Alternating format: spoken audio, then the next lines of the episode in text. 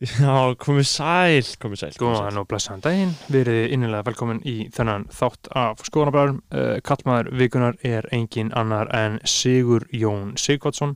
Ég heiti Bergþór Másson, með mér í símanum er Snorri bróðuminn Másson. Sigur Jón Sigvards er Ég, Kvik- ég er kvik- svolítið að ég var bara að skoða síma minn rétt svo að það fyrir að það En já, Uh, hver er Sigurðum Sigurðsson? Sigur Jón Sigvardsson er kvikmynda framleiðandi sem að hefur verið að vinna í Hollywood síðan 1985. Hann segist gera tvær bíómyndir á ári. Uh, ég held að hann sé með svona 50 til 80 titla af bíómyndum sem við tölum um hérna á eftir. En það sem að fólk ætti að þekkja, sem hann hefur framleitt, er Twin Peaks, uh, 90210, Já, Wild- Wild- Wild at Heart, og uh, stórmerkilegar Hollywood framleystur Basquiat, uh, endalust af Dóti. Hann er með puttan í öllu, hann er mjög svona aðtugull maður ég, eins og kemur. Mér finnst bara stórmerkilegt að tala við hann bara einhvern veginn. Hann er með mjög Sko, hann er bú, búin að búa, skilu, áratugum saman Erlendis. Mm. uh, En er með, hann er með svo, einhvern svona rosalega öðruvísi sín á Ísland Finnst mér, sko, og svona Já. bara allt samfélag þú veist, Hann er ekki búin að búa inn á þessari eigu í nei, 30 ár. Hann er ekki búinn að einmitt verða svona einmitt, hann er bandarískur íslenskur á mjög góðan hátt á virkilega góðan hátt. Um, þetta var frábært spjall. Já, Uh, við þurfum, við, við, þurfum, við Við þurfum ekki að tala um það. Við erum uh, reynd að leggja áherslu á það við ykkur hérna að við uh, lifum af styrkjum hjá, Já. á Patreon. Við erum með þrjár leiðir, þú getur borgað 5 eða 10 eða 30 bandarækjadali sem er bókstala ekki raskat og þú er auka þætti og fær alla þættina miklu fyrri og gerir þetta. Þannig að farðu inn á Patreon og þú getur fengið þetta sem bara inn á Apple Podcast skilu, það er bara skráðið þar en síðan er þetta bara alltaf í sama appi. Þannig að það komið skýrt fram þá er þetta einn auka þáttur í hverju einustu viku sem að þú færð með því að borga 5 dollara á mánu og þannig að ef þú ert að, bingja skoðanabræður þá getur farið þangað og þar eru mikið held af að auki þá erum við að gera uh, skoðanabræðarlæginu uh, glaðan dag og glatt líf með því að vera með gjafaleg í gangi fyrir alla Patreon áskrifundur ef að þú ert áskrifandi, hvort sem að þú borgar 5, 10 eða 30 dali þá átt þú möguleika á því að vinna uh, 10 skall frá auður í beinhörðum peningum uh, 10 skrona inneign frá JPF forlæginu, bækur algjör veisla um, 6 mánu ókipis frá sambandinu 6 mánu endalus gagnamak, endalus símtöl og um, risastór vinningur sem okkur var að bera þessina frá Hotel Siglunes uh, Siglunes Guesthouse á Siglufyrði þetta er sem sagt uh, gistiheimili og hótel á Siglufyrði sem að er að bjóða einum hefnum meðlimi Patreon bræðarlagsins gistingu fyrir tvo og þryggja rétta máltíð Shit. á marakúska veitingastanum sem er uh, sem hefur verið talinn í fullt af einhverjum tímaritum og eitthvað besti veitingastafu Norrlands og ef ekki bara Reykjavíkur, ég hef borðað hana margóft snorri, þú líka, ég held að við Ég er getum að verið um ef, það. ef fólk ferðangað þá er það bara eitthvað svona þú veist, það er eitthvað svona, fórst á Siglufjörð? Já, fórst að borða á Siglunesi já, já, djöðl var það fucking geggja þetta er Já. alltaf sama samtali sem er á bara djöðl var það fucking sjúkur matur áhugaverður staður Mhm. fallegt hótel sem var gaman að sofa og þetta getur þú unnið ef þú ert að borga 5 dali fyrir frjálsafjölmjölun eða Einmitt. 10 eða 30 og það er nefnilega ekki svo mikil, mikil samkeppni að vinna þetta, það eru mjög, líkurnar það, eru mjög mikil líkur. Við erum fullt af eintökum á öllum þessum vinningum og fullt af ykkur sliti Þannig að endilega tjekkið á Patreon. og við sem sagt uh, höfum það að venju. Að lesa upp þá sem að borga hjá okkur 30 dali, sem sagt þeir sem að setja ultimate virðingu á nöfn okkar.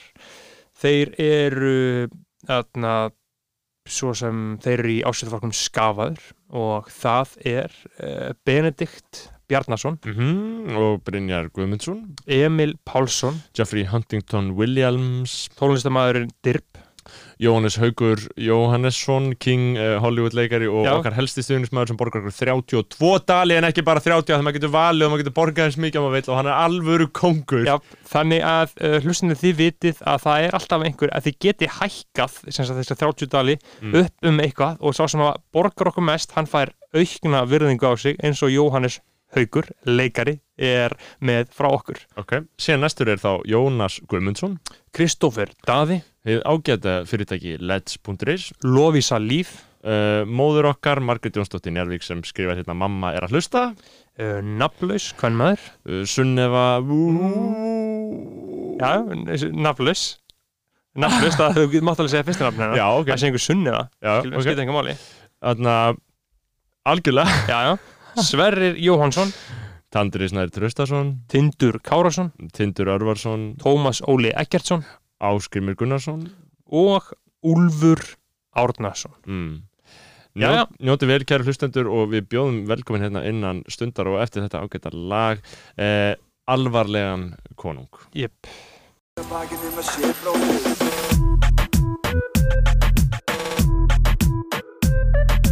Hver er hver að bakið um að sé bróðir eigi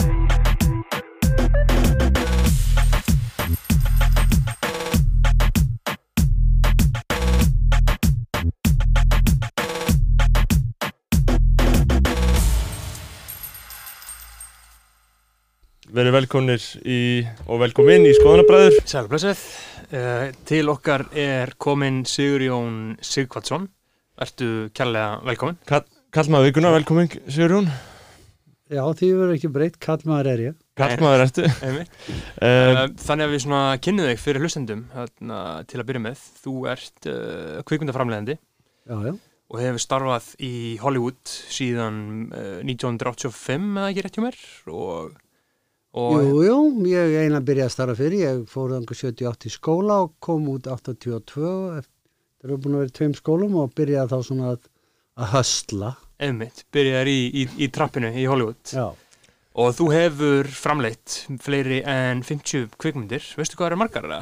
Nei, ég, hef ekki talað þar. Nei, IMDB telur kredit sko 80 og eitthvað en Wikipedia segir 50 Já, ætla sé ekki rétt, veist, sumt eru svona kredit sem maður fær hér og það er kannski ekki beint en ég er svona samt miða við þá svona á ferlinum að gera.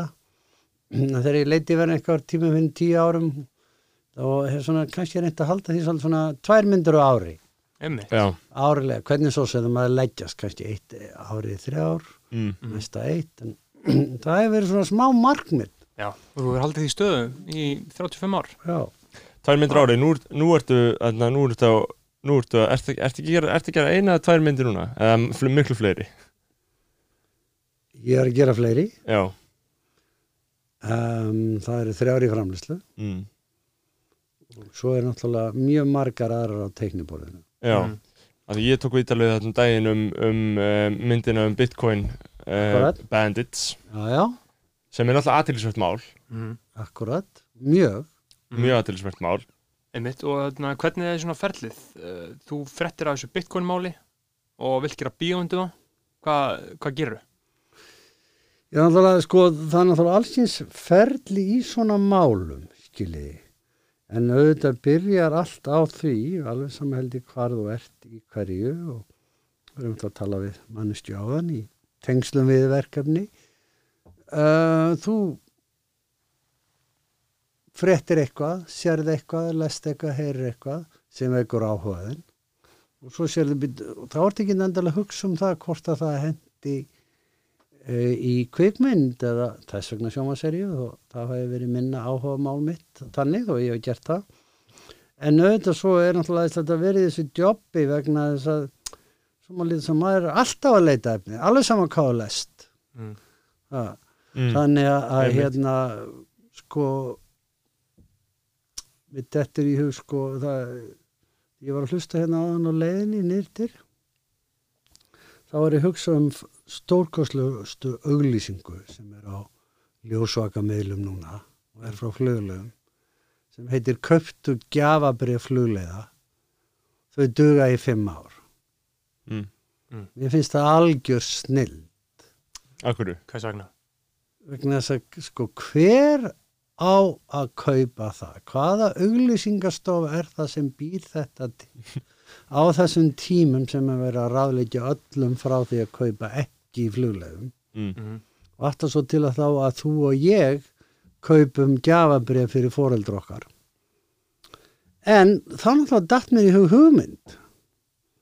Verður vissi ekki mynd sem ég geri. En auðvitað verið stórkostleg heimildarmynd að hafa fyllt öllu þessu flugleiða ferli eftir Mm.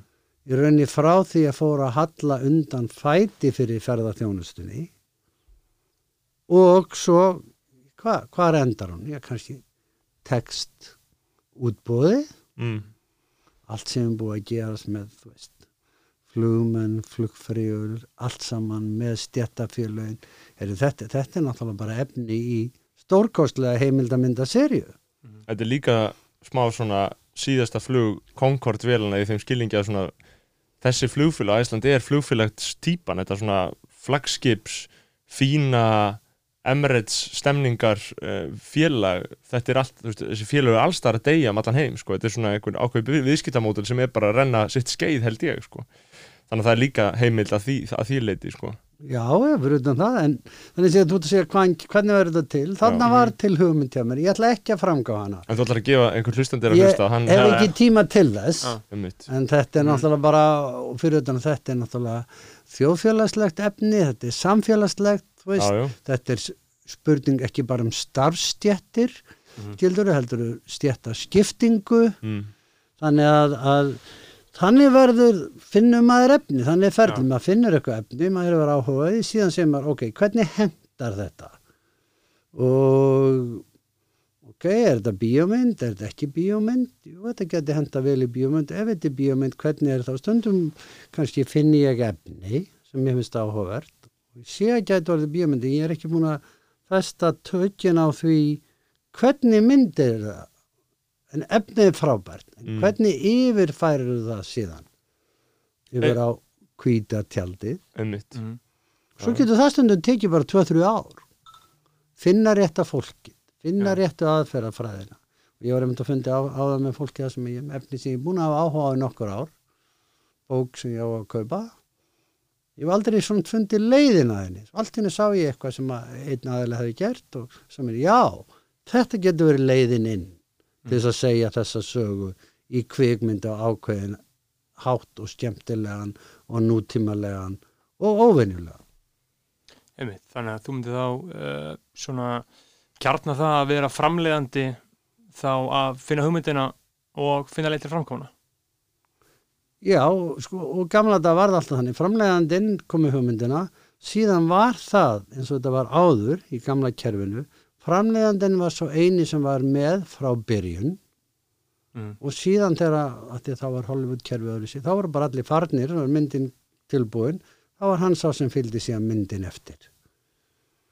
Sagt, frá, frá A til Z. Já, er það ekki alltaf talað um að framleiðandinn eigi að vera þessi sem, sem hefur ágjur á þessu alveg frá því hugmyndi kviknar og þá getur myndinni tilbúin er það að breyta sér?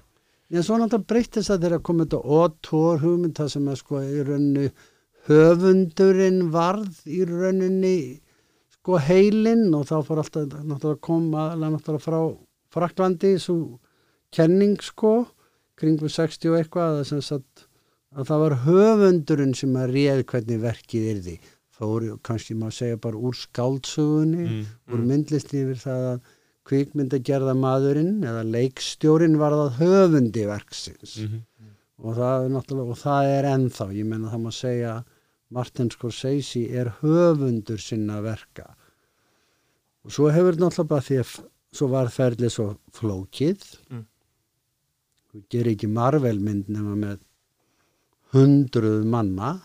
Mm og þá þarftu orðið fleiri og fleiri og fleiri til þess að koma efninu áfram. Þannig í dag til dæmis er e- ekki, er ekki mjög algengt að sjá bara einn framlegand og mynd. Ef við sjáum til dæmis Beverly Hills 90210 sem ég gerði það bara einn framlegandi ég er eini framlegandi Já, einmitt, ég sá það, einmitt, það vakti mikið áhuga minn einhvern veginn, var, við vorum, ég var einmitt að lesa um DV síðuna að þú hefði verið í 90210 Þetta var náttúrulega eldri sér en þetta er ekki 90210 og 90210 heldur, þessi sem heitir bara 90210 heldur bara alvöru original Beverly Hills. Orginal fyrstu tvö árin sko. Já, er þetta fyrstu tvö ára, þetta er ykkur 20, 25 þættir eða eitthvað svoleið sem var stann í uh, 29 til já. að klá Já, En þetta, en, en ég meina Já, sorry, uh, en mér finnst það mjög áhverð hvernig það er búið að breytast. Þá var þá framleiðandinn svona, fekk hann mesta kreditið fyrir bíómyndina í gamlanda.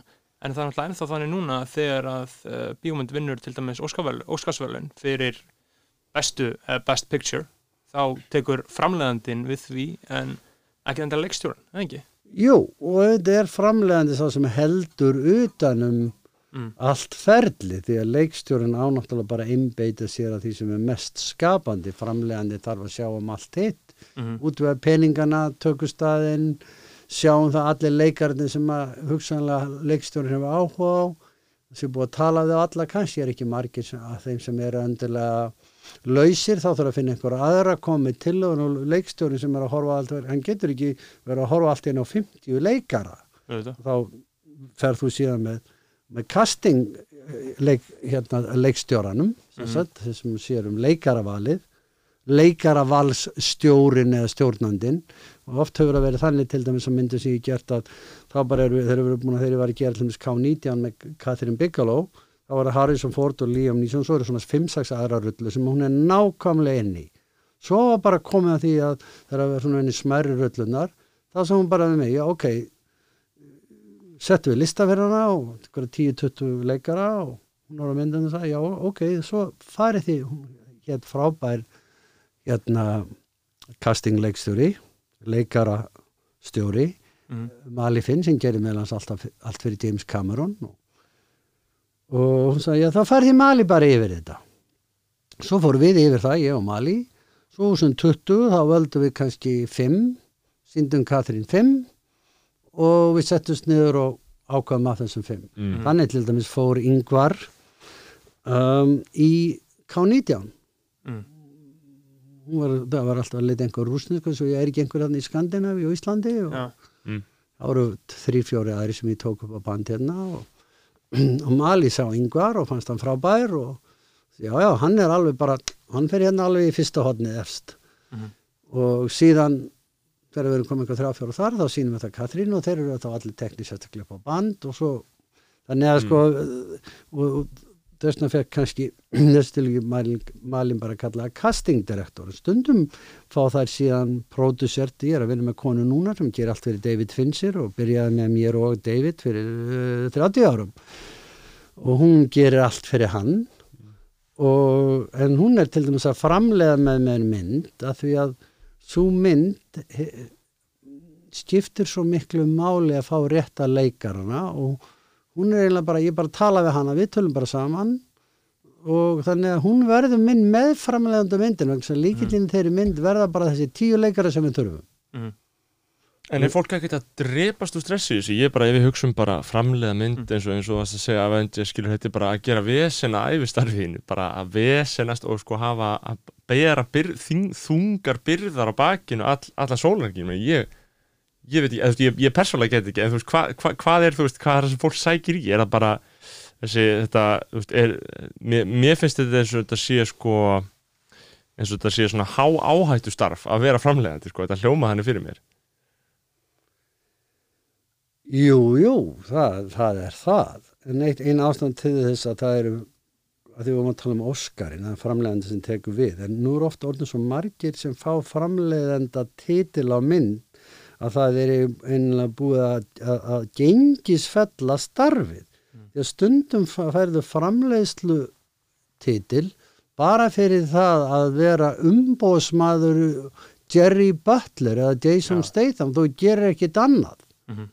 En byttu við, er það rétt ekki rétt en þá segir umbóðsmaður já ég vil fá kredi vegna þess að já, ég sem samfærði til þess að ég var að gera Ka- Killer Elite með Jason Statham og þá sagði hann heitir Steve ágættismadur, sagði ég, ég, ég sem samfærði Jason um að skildi gera þessa mynd þannig að ég á að vera framlegandi því ef að ég hef ekki ge- gert það þá hefði hann ekki gert myndina mm. en það eru auðvitað búið að gengisfella starfi vegna þess að hann gerði í rauninni ekkit annað. Mm. Um, er þetta alltaf svona mjög skýrt í Hollywood af því maður horfir á bíómyndinar og maður sér kreditlistan og það er producer, co-producer, executive producer og associate producer.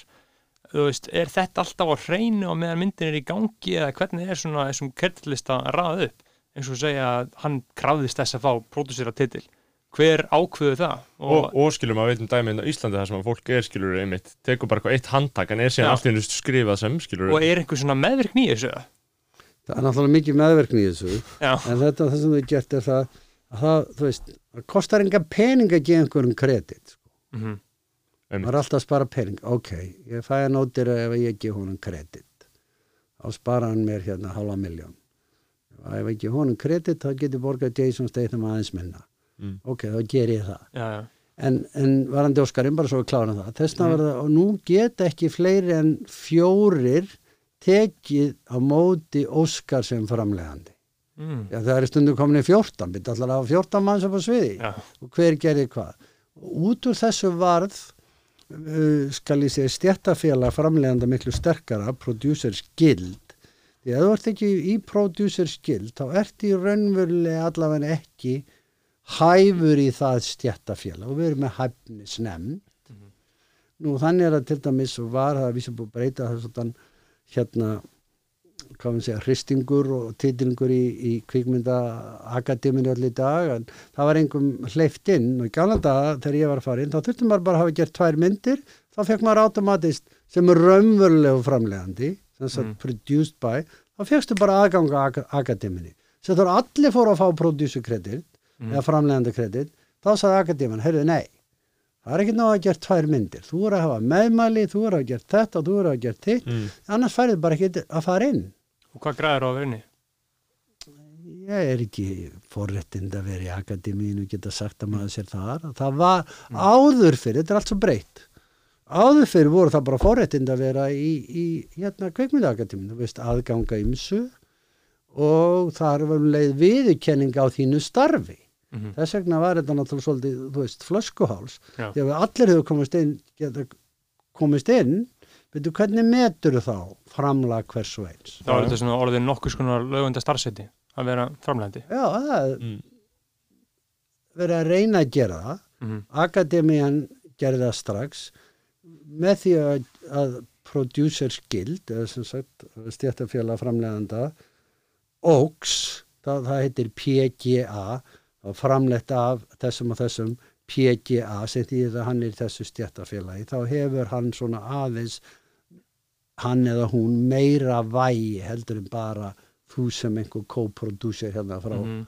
kjallaranum á hverjuskötu sko. Þannig að þú varst að tala um, um Beverly Hills það var það náttúrulega uh, bílanslega vinsæll þáttur bara með svona stærri sjómarstáttum uh, svona síðari tíma allavega um, hvað var það í svona hugmyndafræði þáttarins, hvað var það heldur, heldur sem fólk fílaði svo mikið í, í svona þáttum? Hver var byltingin það? Já, sko það er svært þetta, sko ég, þú veist, það er, þetta sko mér vantar, ég er aðeins fann að sletta, sko. Ég fekk þetta jobb eiginlega by default þið veitir, það var bara engin sem vildi taka þetta að sér.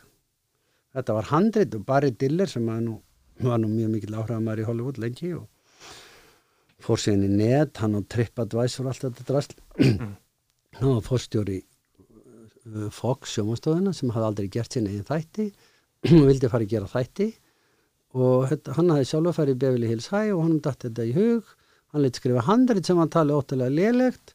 Og eiginlega fengu enga ekkert almennilegt fólk til að gera einhver unglinga þætti við vorum að framleiða, ég var vissi ekkert svo ungur sko, þetta er veist, 1990 ég er hann alltaf gammal að, að hérna en að því vorum að framleiða allt þetta efni fyrir MTV þá er ég að þeir vita hvernig á að gera þetta hana í fyrirtæki mitt hér, propaganda. Þeir vita hvað unglingarnir vilja. Tölum við þá, það var engi á mér. Við vorum akkurat í miðju kafi að byrja að undirbúa Twin Peaks. Og það var þannig engin í mínu fyrirtæki sem að einu áhuga sem ég hef alltaf verið svona sem auðvitað kannski tengist bara kannski bara ekki íslenskari og, og norrætni sagnahefð heldur kannski meira bara já, leiksviði líka þess að ég hef alltaf verið hrifin af svona melodrama og sápum þetta var bara sápa Mm -hmm. er þetta er bara ekkert slæmt en það vildi enginn vinna á þessu og þannig að það var einn ástand til ég fekk jobb og hins vegar það að þeir eru svo litla peninga til að gera þetta Mm. og við kunnum að því við komum tónlistamindböndum að gera hluti ódýrt mm. þannig var það nú að ég var það til þess að ég, mér var bóðið jobbu og að því að ég svona, er svona á laun les sábur og lesi Guðrunur frá Lundi á sínum tíma og Já, að, að hérna og svo er alltaf svona eitthvað svona sérstætt aðdráttar afl við Beverly Hills og Mhm. veist, það er já, já.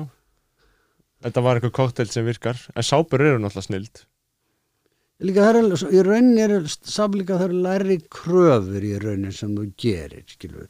Það, það er meira að vera fylgjast bara með personum og það getur allt gerst að því að það er melodrama en ekki kannski drama það er ekki einlega verið að gera ráð fyrir því að svo mikið gerist en, en Beverly Hills var náttúrulega bara fyrsta unglingasában held ég bara ég, allavega ekki bara í Hollywood ég held bara, ég er nú ekki alveg í heiminum en ég vil ekki bara segja í jú. En að því að, að því að síðan var þetta náttúrulega bara algjört listform, bara sérstaklega líka þegar við erum alast upp bara, þú veist, 2006, 7, 8, 9, 10 Mm. þessi ár bara, þú veist, þegar við erum með skilur 90210 Þegar það var- endurgerðina og svo erum við með Já. OC og svo erum við með Akkurat. Gossip Girl og þetta eru bara þættir sem fólk hefur sko leigið í, sko, Já. þetta varð risa stórt sjanra, skilur Mm.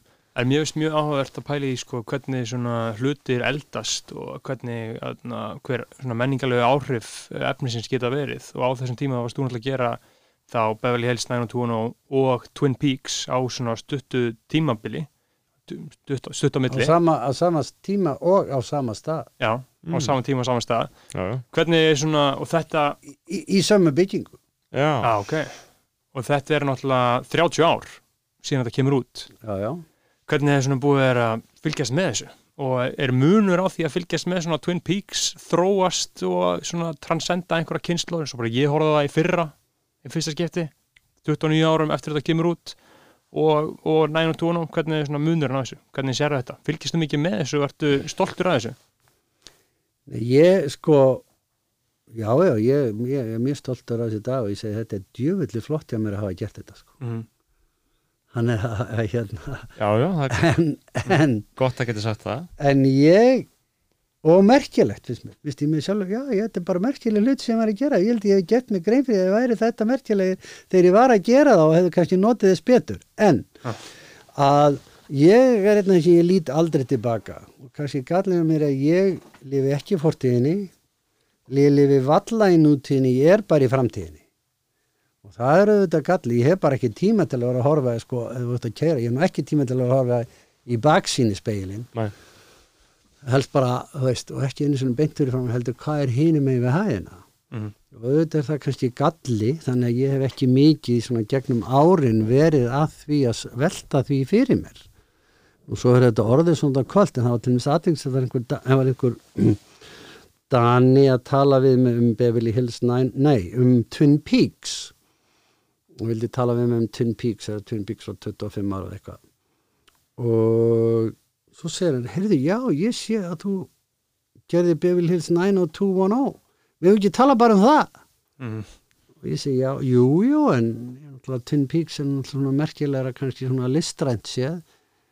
Já, sagðan en sko, munun á þessum tveim þáttum ég sá að frá 1990 og fram til, veist, 2015 þá hefur Beverly Hills 902 verið on the air eða verið að sína í sjónvarpi í Danmarku á hverju einasta ári Einmitt. meðan, þannig að það gekk í tíu ár og svo byrja bara að síðan aftur og svo Mhm. aftur og svo aftur meðan Twin Peaks hefur náttúrulega bara dottið út og inn Mhm. og mér, þetta var fyrsta finn sem ég hef gert mig í rauninni grein fyrir því sko að Beverly Hills er búið að vera að sína í hundraða löndum frá 1990 viðstöðulaust. Við stöðlaust Já, það er, það er, það er svona um, eins og segir sko sem er líka aðtilsvægt að maður, þú veist, fólk átt að segja ekkert á því hvað það er að gera með það er að gera það og, og auðvitað, ég held að það sé gott heilbyrðismerki ef að fólk hatar allt sem það er að gera með það er að gera það svo svona hugsanlega jafna maður sig á haturinu með tímanum hugsanlega jafnvel ef að fólk er að segja að það sé gott og maður átt að segja kannski smátt, smátt og smátt á því en ég held að það sé gott einmitt sko að þú að segja að það hefði liðast betur með þetta það hefur kannski átt að á því að þetta var alltaf læga með það að gera þetta ég held að það sé gott að fólk hati það sem það er að gera með það er að gera, er það ekki, heldur það ekki? ég veit, ég sko Eða hata er kannski stert orð? Fyrir lítið það? ég held að sé aðtrið að taka það ekki of alvarlega og ég held til dæmis að þú talar um hatar ég held að hatarar hati ekki það sem þeir eru að gera. Og taki sér alltaf alvarlega út af því. Mm. og ég held að, svo mér finnst hatarar aldrei sniðut band. Já, einmitt. En þeir að taka sér alltaf alvarlega. Þeir hata ekki náðu mikið það sem þeir eru að gera. Já, hatari. svo- bandið sjálft. Hatar er svo upptögnir af því að vera ekki að hata það sem hatarar er að gera. Já, að það held ég að finnst mér að skemmja mjög mikið fyrir því bandi mm. það vantar einhverja innlægni í það sko. Það vantar þá tilfinningu. Að þeim finnst þeir svo töff sjálfur Já. Það vantar Þeir eitthvað self-loathing. ha- Hatari fyrirlíti sjálfa sig ekki nógu mikið, kannski. Nákvæmlega, Já, Já, hatari elskar hatara.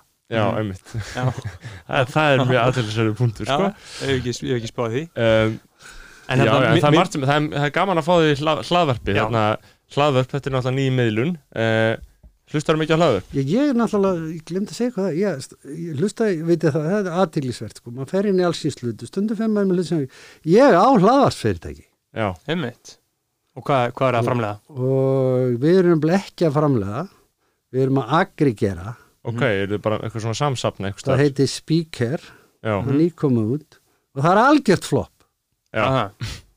það sem, það sem verra er að ég vissi áður en það kom út, ég vissi svona fyrir árið síðan þegar það var ekki komið að þetta myndi floppa.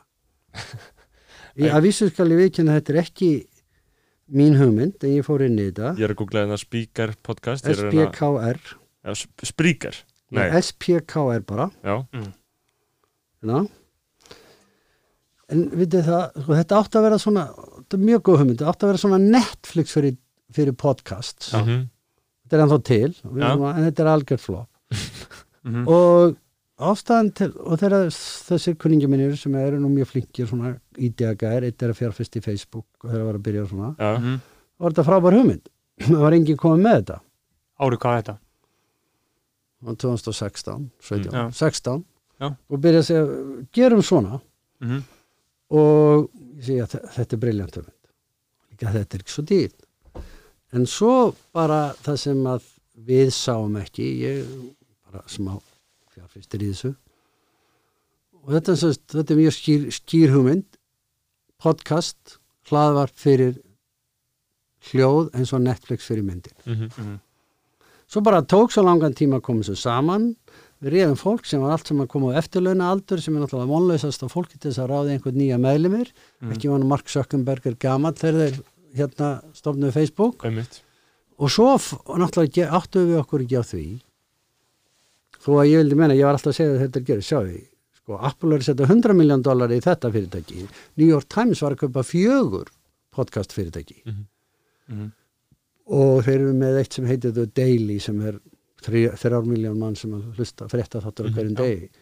Og þannig við áttum ekki að því að þessi stóru þegar þessi stóru fóru koma inn þetta er bara öðru sér heldur en hann var þegar það var ekki til Facebook. Þeir bara koma inn og þeir sá þetta þá bara kiftu þeir allt upp sem var það á veginum Spotify náttúrulega, þeir kiftu upp sko, meira þess að þeir kiftu upp Já, já. okkur á endanum hann Angor Já, já, Spotify sem sagt keipti upp uh, Gimlet sem er podcast framlýslu fyrirtæki Gimlet er það, það, er sem hann á hann hérna Anthony uh, nei, Malcolm Gladwell Mm. er? Já, jú, jú, já, hann, hann já, er í því sko Já, og já. þau keipti líka upp aðna, The Ringer sem að Bill Simmons á Já, já, sem að svona íþrótta fjölmiðl í rauninni og svona kultúrfjölmiðl keiptu hann algjör upp að þau um svona góða podcastdeild síðan keiptu þau líka upp Angor sem að er í rauninni svona dreifi fyrirtæki fyrir hlaðvörp sem að við notum til þess að þetta okkar hlaðvörpin það er í eigu Spotify. Og síðan keiptu þau líka upp svona auglýsingatæknis fyrirtæki fyrir podcast.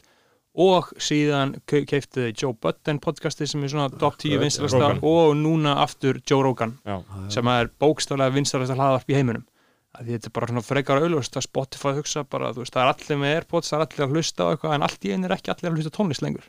Nú er allir að hlusta á eitthvað annað líka. Og við þurfum að komast í alltaf- það sko. fólk vill held í tala orð. Ég held að tónlist sé einmitt, að því að útvarp, útvarp deyr. Já, já, útvarp hlýtur að deyja, þú hlýtur að spá því líka línuleg dagskrá í FM, allan að FM sendir ég meina það verður að vera. Mm Þa, það er alltaf verið að segja að það mun ekki deyja en ég held að það lifi bara því það er ennþá í bílunum og fólk er ekki með nógu þægilegt tæki til að spila sér degi drasl. Já, já, það var náttúrulega grein í, ekki New York Times, það var annars vegar eitthvað þing og kona sem er yfir New York Times, hún er um að segja það sko, að þau eru, þeir eru nú að fara að fulli í podcastin og þeir eru með þetta deili og þeir hafa keipt nokkuð fyrirtæki. Og því að hún segir að sko að sem sagt í talað orð, útvarp, sé miklu nær prentmiðlunum heldur en myndbandið. Og flestir þessum fóru að reyna að gera vídeo eins og New York Times vídeo og allt þetta drast, það hefur bara ekki gengið, það er einhvern veginn allt annað skillset. Hvað, hvað er það á íslensku, skilsett einmitt. Hæ- hæ- Hæfni? Já, Já, hæfni og, og, og hæfnisþjálfun. Mhm. Og þess vegna he- hefur þeim ekki gengið vel sem að hafa gert það. Þannig að þetta liggur kannski nær miðlunum. En við getum svo talað um, um línulega dasgrá sko. Ég, þú veist ég hef aldrei verið mikill neytandi sjálfur. Ég hef ekki haft tíma til að vera að neyta efnisins meðal annars efnisins sem ég hef gert. Einmitt. ég þarf bara að fara að gera nýtt. Láta mig einhvern annan vera neytandi ég er ekki neytandi efnisins. Ég er framlegandi efnisins. Svo ef þú vilt vera mikið neitnandi þá ertu líka bara farin út í að kópri þannig að ég til dæmis horfið aldrei á sjómarp bara eitt þátt og tvo þætti, ok, ég veit hvað það er að gera. Ég skil mhm. þetta, mm -hmm. ég skil akkur þetta vinsalt ég þarf ekki að horfa á heila sériu, ja, kannski einu ári sem þú horfur á, ég menna fullur einhver Game of Thrones, ég tekki þá mjög vel. Ég nefndi ekki að horfa um eina, e- eina eitt sísón, skilur mm -hmm. búin að sjá þetta. Sama hér, ég er eins og þú. En, en það breyti því ekki að þú horfið síðan á 8 sísunum á Game of Thrones og horfur á 2-3 þætti þar, þeir eru algjörlega brilljant en þur, þurfti að horfa hérna 60 til að horfa á þessa. Mm. þannig ég hef aldrei verið mikill neytandi á efni almennt línulega efni. En aftur á móti er ég heldur ekkit mikið því ég er bara, ég kem úr bókmyndum og bókmyndafræði og auðvitað kom ég úr músík, ég var náttúrulega tónlistamæður þannig að sko ég hef oft bara leitað meira mínu efni þannig það sem ég vil hlusta á. Og le lesa kannski. Já, lestu mikið. Lesa og eins og við erum að spila þá bara leita, þá fer ég að leita. David Bowie eða leita að þessu, að lesa um þetta þennan tónlistamann og fer þá að leita að hann Mhm. og þannig að kannski er ég bara búin að vera ólínu laga meira og minna alla minna tí heldur Já. ekki, að- heldur ekki að til dæmis skáldsögur séu döðar, dött form? Um, skrifaðar skáldsögur, íslensk ný skáldverk, heldur að þetta muni heldur að þetta verði gert áfram, heldur að þetta muni ha- hafa einhvern tímann þessi sum áhrif að hafi, heldur að þetta sé dögt, hvað heldur um þetta? bara ég, sko, í rauninni svo kemur spur, skiptir máli hvernig þú upplifir ef að kalla það menninguna eða hvað það er, hver upplifunin er. Og ég held náttúrulega það sem er að gera, sko, ég held að verði þú veist það verða bara ekki prenta bækur nema svona með að markaðin í dag er kannski 10% prentað. Mm. hitt verður bara komið á Storytel. Og þá er spurningin akkur akkur, það var mjög aðeinsvært þegar sko í bókabransanum þegar Kindle kom þá sögðu bara allir nú er bara bókin búin. Svo allt í hennu bara í 35% stoppaði það. En það er náttúrulega vegna þess að Kindle er eða, já, segjum bara Kindle. Það er í rauninni bara framlenging á bókinni svo að bara margar bækur þarf ekki að halda um öllum. En audiobókin er ennþá allt önnur upplifun. Mhm. og ég held nú að Kindle verði áfram bókin verður áfram. Þetta er bara eins og vínillin er til. Mm og Já, það er eitthvað sérstu tilfinning við vínillin en hann verður aldrei fjölda mið, miðill Mhm. aftur. Einmitt. og storytel ég, prentað sagt, bara ég prentaða mál bókin fyrst og fremst dagblöðin Yesterday's Paper, sagði Mick Jagger skiljiði. Að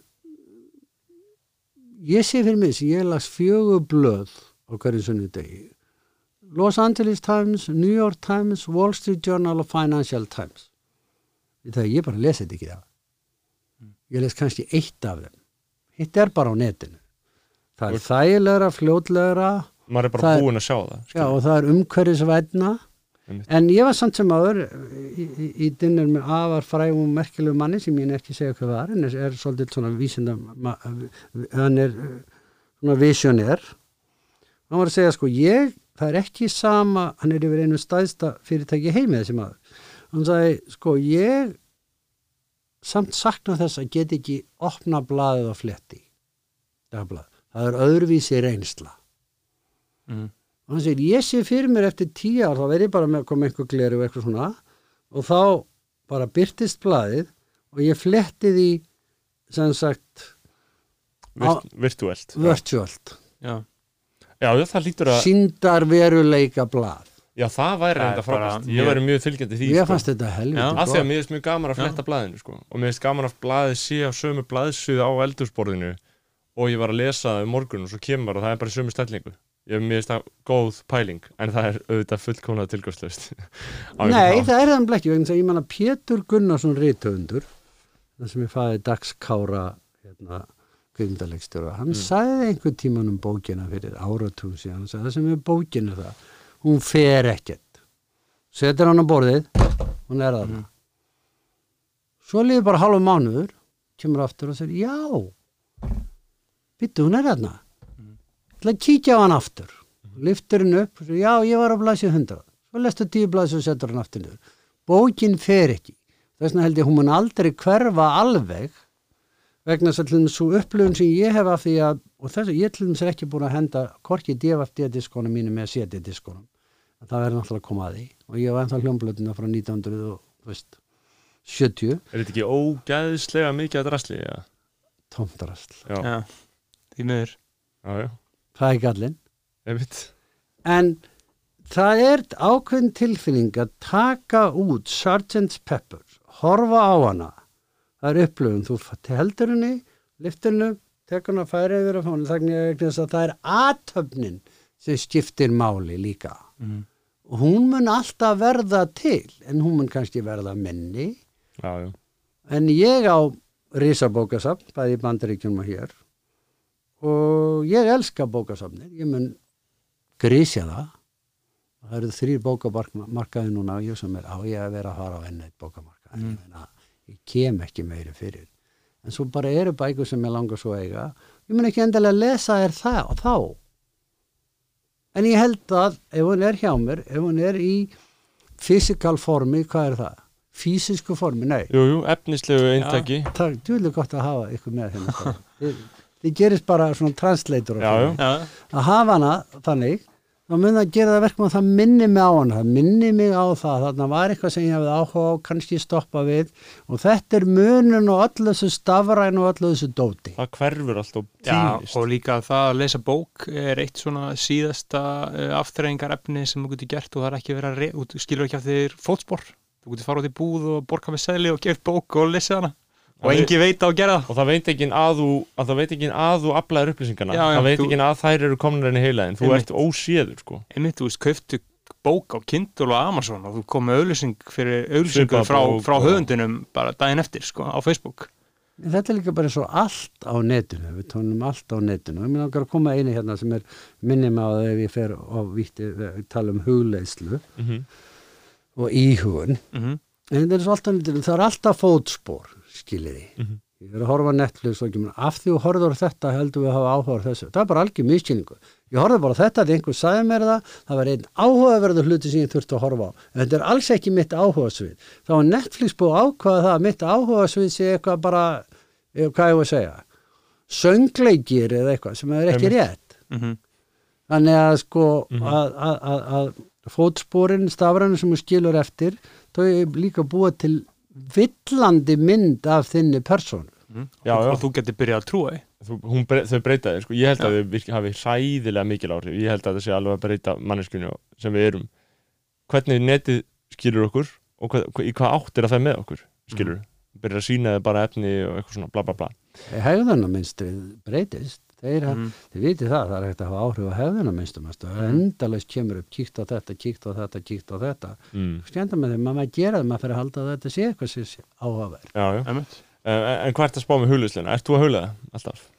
Já, já, já, já. Ég er búin stund að innkverfa í hugun í 30 ár. einmitt og það er nú eitt af því svona sem að bjarga í lífi mínu þegar ég lendi í því að fá síþrættu já, og síþrættur örgla því þið voru að tala um áðan stressið sko. Já, já, að vera produsentir Mm. á stress. Já, já, já, já. og svo er bara stressi í daglegu lífi. Ég var aðeins stressað hvort ég er komið inn á kljóðan 5 eða ekki sko. Já. En þú komst Mhm. tímalega, ég hugsa að hann er framleiðandi hann kemur tímalega. Og hvað, þú þá tekur 20 mínútur á dag? Tvissar, Já, ekki, ég veit, maður, maður, ekki alltaf tvisar nei, en allavega alltaf einu sinni. Og í 20 mínútur eða? Já, og jafnvel lengur. En Mhm. sko það, það er með hugleyslu eins og allt annað skilu það er, það er ekki eiginlega rétt það er eins og íþróttir, er einhver ein íþrótt betri en annur, ég veit það ekki. Ég veist um það, það hverjum tekið sinn fugl fagur. En allar íþróttir í rauninni að vera rétt gerða göfga það er Já. líka með sál. Og en sem sagt ég hef búin að gera þetta, fór út í þetta því að hérna maður kom í svona smá blindgötu með hilsu og aðra hluti og, og þetta er náttúrulega bara eitt af því sem að ég segi að, að bara hefur bjargað mínu lífi að ég hef fundið þetta tól til þess að ná því að ná tökum á þessu, þessu áreiti sem er í mínu lífi Mhm.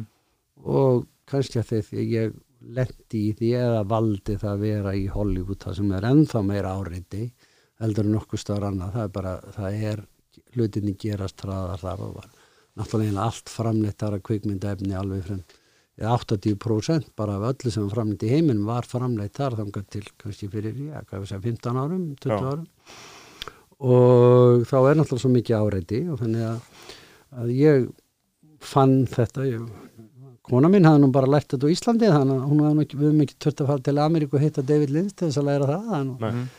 en ég var alltaf svo upptekinn að ég hafði ekki tíma til þess að hugleiða mér fannst 20 myndur eða tve- og 40 myndur og það, það væri bara alveg ótrúlega tíma æsla svo náttúrulega koma því að ég hafði ekki tíma til að gera það ekki Um, já, já.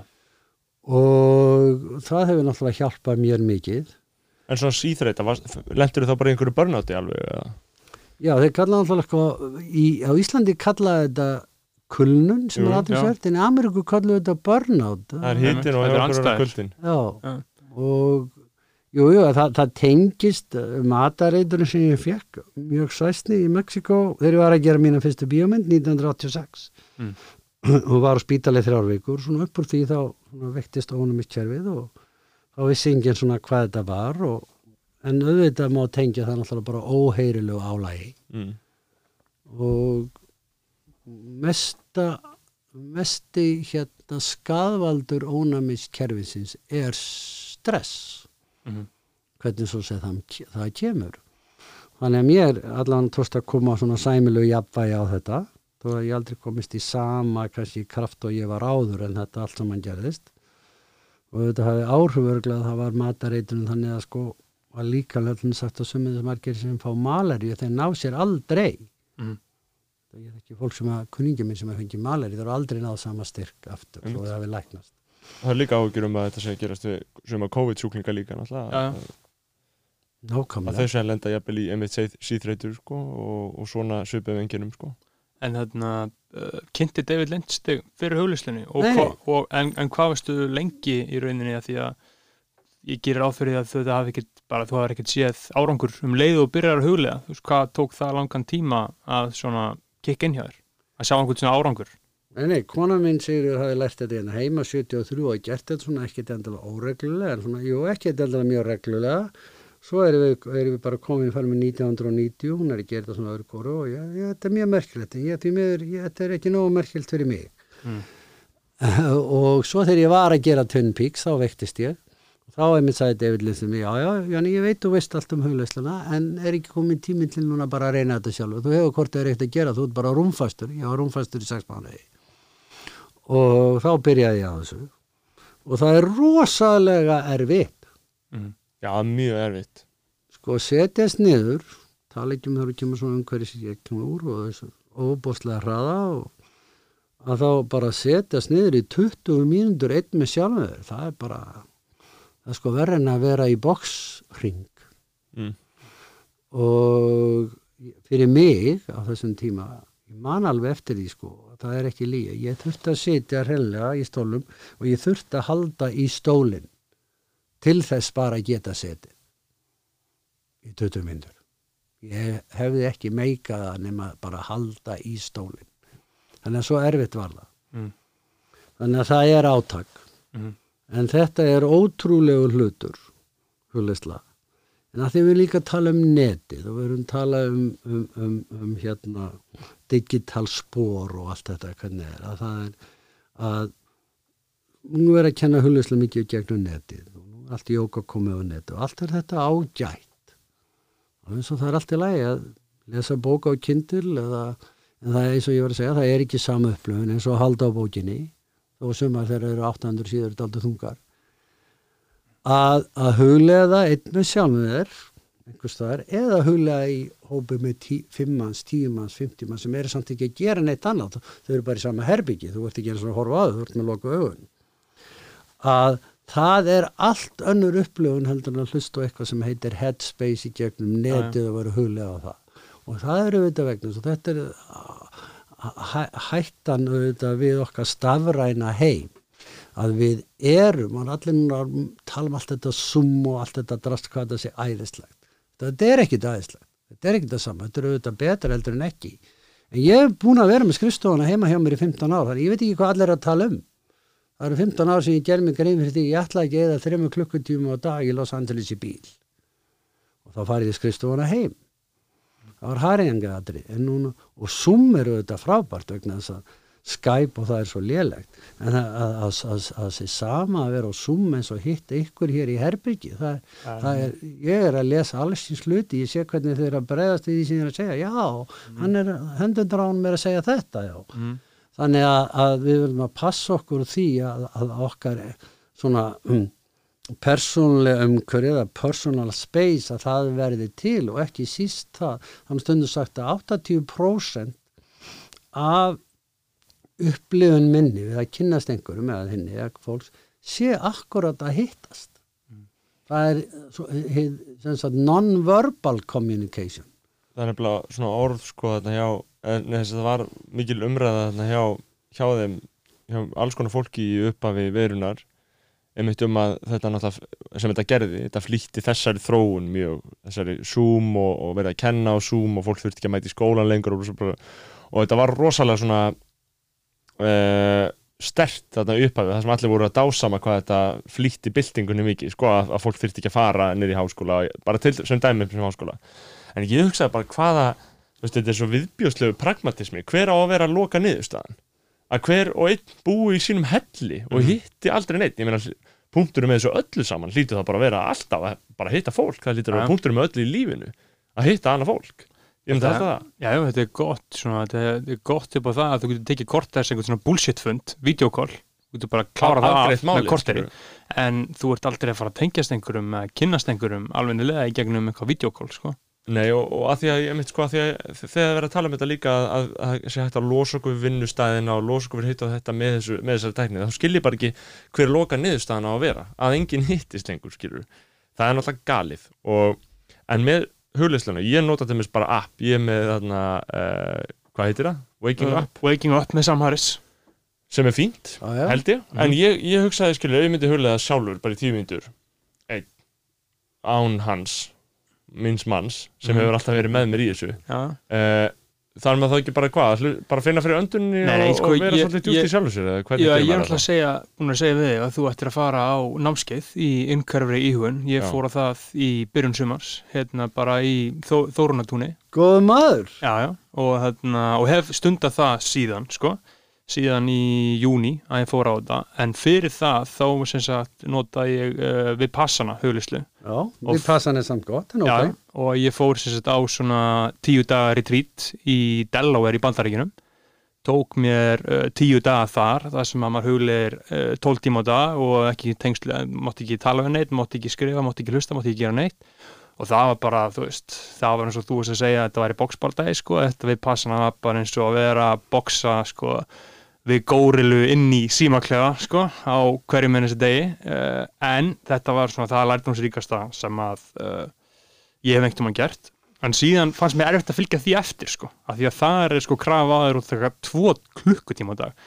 Klukkutíma mótnana og klukkutíma á kvöldin og það er eftir bara sko munan á þessu tveimur huglislu með er að það er eftir bara að taka eftir og ekki bregðast við, það er einu sko að gera við passana en í sko transcendental meditation eða innhverfri íhugun þá ertu í rauninni að svona hverfa inn sko, út að endur taka þína möndru og það er, svona aðeins öðru upplifun og ég fíla hana tölvöld betur sko. Ég finn stundum bara svona raunverulega streitu losun, sko, bara físiska ég finn þetta bara einhvern veginn svona sogast út um mér, sko.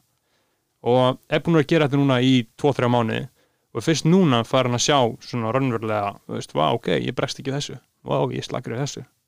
Og alls konar svona, það tekur smá tíma, sko að kikkin, en ég mæli með snorri að þú og hlustendur tjekki á, sko, innhverf íhugun námskeiðinu sem er haldið hérna bara í borgatúni, sko og það er bara ein helgi það sem hún lærir þetta og síðan þú bara gera þetta sjálfur sko.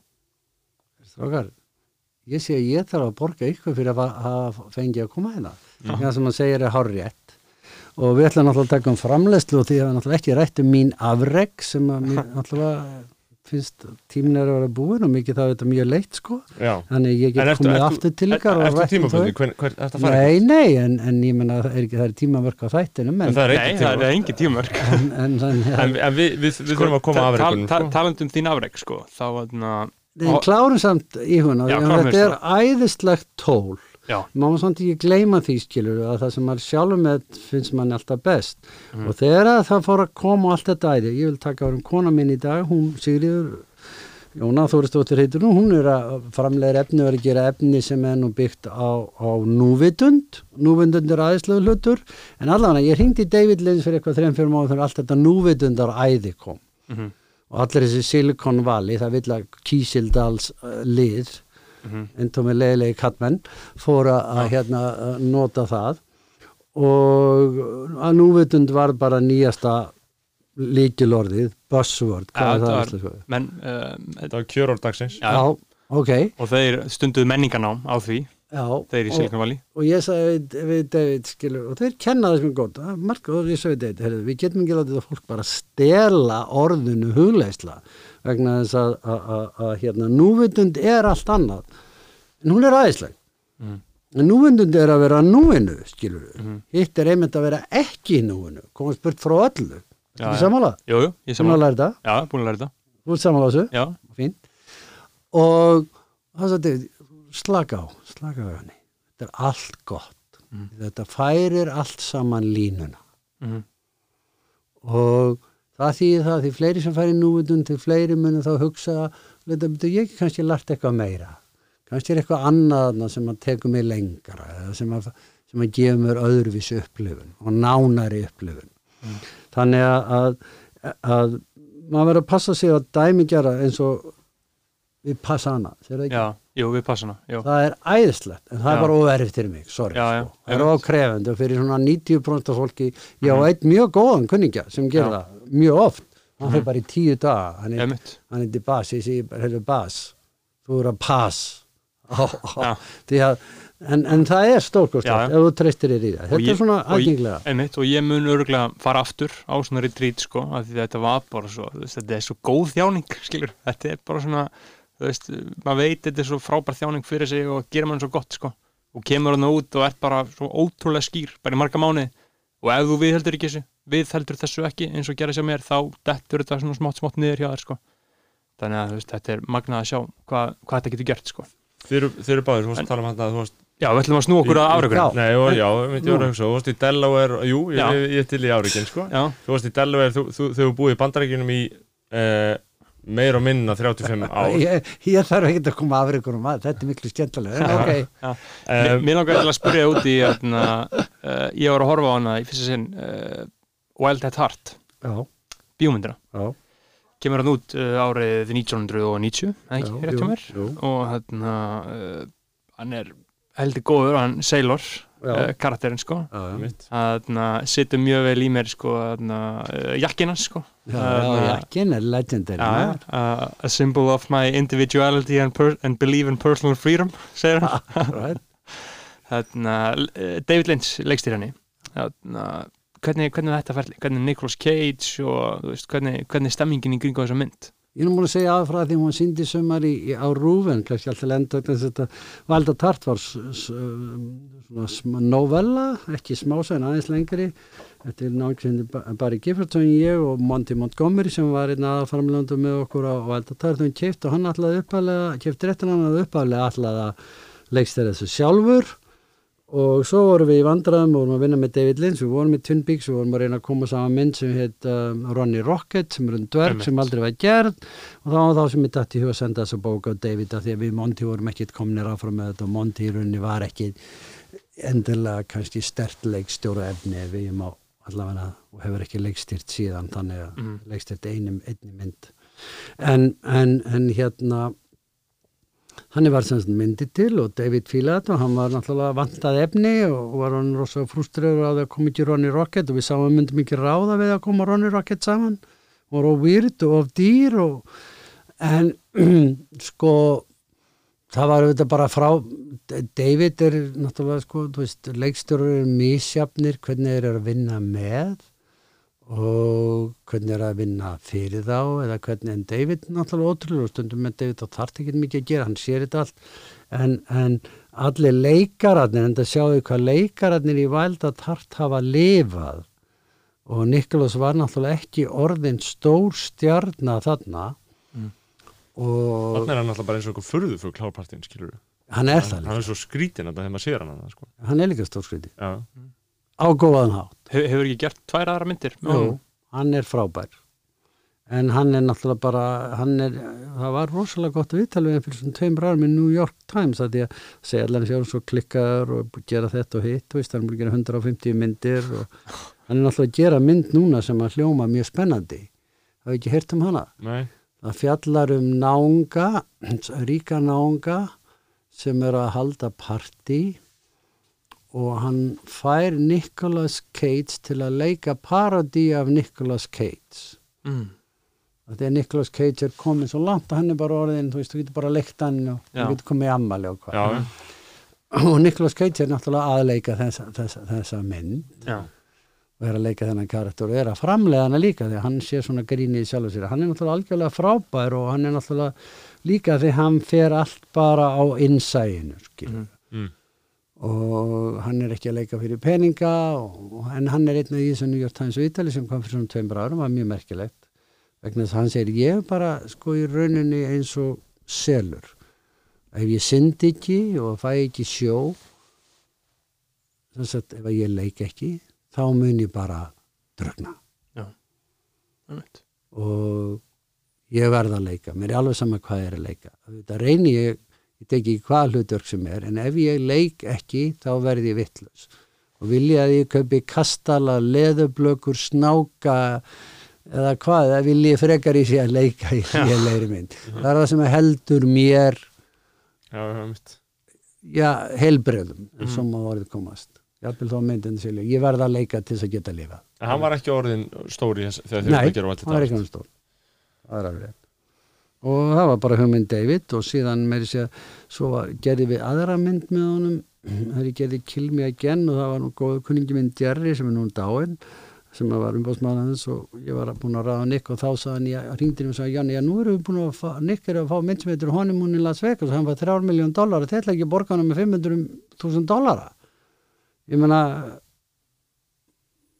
ég, sé en hann heiti hér Jerry, ég sé Jerry við erum búin að gera díli hann. Segi já, en Janni, hlusta það bara þess að mig. Við, hann var 3 miljón dólar og þetta verður commercial mynd. Uh, þið býði bara. Og þá getum við gert getum fengið hann þá fyrir 500.000 dólara Mm. og þá var hann búin að gera stóra stúdíómynd aðra og verður hann stærri stjarnar Mm. og þetta var þetta fín leksía sem að ég lærið byttu byttunni, já, akkur og leikstjónin Killinger var alveg brjálaður og sagði bara, heiðu, nei. Þetta var nú og retrogvest og hann sagði, "Bíddu, nei, nei, við getum ekki verið að byrja í þess að byttu hvað máli skipta fjóri máli, mánuðir. Við erum með manni sem vil gera myndina Nicolas Cage, við bara býðum vegna þess að þú stundum býður er hversu dýrt er að býða viltu býða í ár eftir að hafa rétta leikara viltu fara að stað á, á bíómynd með röngum leikara Skilur, hvað Mm. og ég myndi bara hvað leikaraval er mikilvægt. Þú veist að hvernig hefði Joker verið með einhverjum öðrum leikara en Joaquin Phoenix? Skiljiði? Það Já. er bara öðnu mynd. Og, og líklega ekki orðið mjög góð. Bara að Pitt hefði ekki getað leikið Jokerinn. Þannig að það skiptir svo miklu máli að býða en það sem að er það sem var við þetta eins og vinna þetta var allt frábært fólk sem var í valdað þart og ég hef almennt séð. Þá við viljum að tala þess að mín afreg er ekki segn út af því? Jú, jú, út hér, út af því. Ég, ég er að eða, eða tókuðum við bara upp á gödunni Nei, ég, ég vil er bara öll, öll þessi ár, eitthvað viljum öll en eitt af því sem er Við fáum eiginlega aldrei afreiksfólk í þáttu Nei, ég veit að þeir eru með Hallgrím Helgason, hverja fleiri að með Hagna, Já, Ha. Guð- Guðna TH já, Katrin nákvæm, Jakobsdóttur alveg reynd, sko. Já, en við þurfum samt koma aðeins að uh, áður við hættum að koma aðeins að, að Íslandi Já. því sem er að gerast þar. Og, og, og, og hérna einhverjum sem átökum á vinnumarkaðanum en það sem ég verið rosalega heppi með og Mhm. bara, ég segi bara 7, 9, 13 með ég held að ég hef aldrei lent í því á bíómynd að Mhm. fara yfir budget.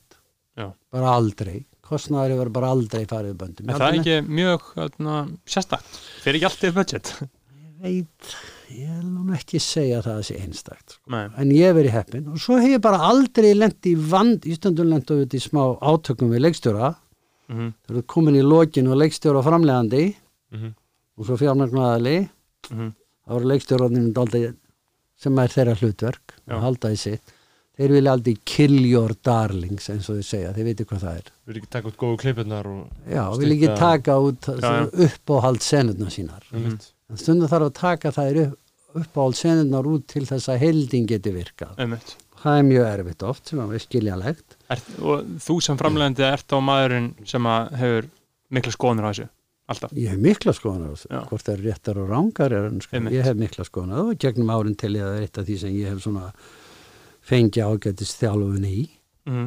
það, það setur svo mikið í mér. Ég hlustaði á æfisöfum David Lynch sem að við vorum að tala um hljóðbækur á hann sem er bara hið frá, frá, hefur hlustað á hana? Já, bara, hið, bara fullkomnasta form af frásögn sem ég hef nokkuð tíman heyrt. Hvernig þetta var sem sagt, að það æfis að hann þessi sögð og síðan kemur hann með svona commentary um það. Já Og það er konna vel sem alltaf skrifa þetta, já, já, já, þetta bara mögnubók þarna, og þá talar hann um þegar hann var að gera Dún mm að þá sem sagt var hann ekki með uh, Final Cut.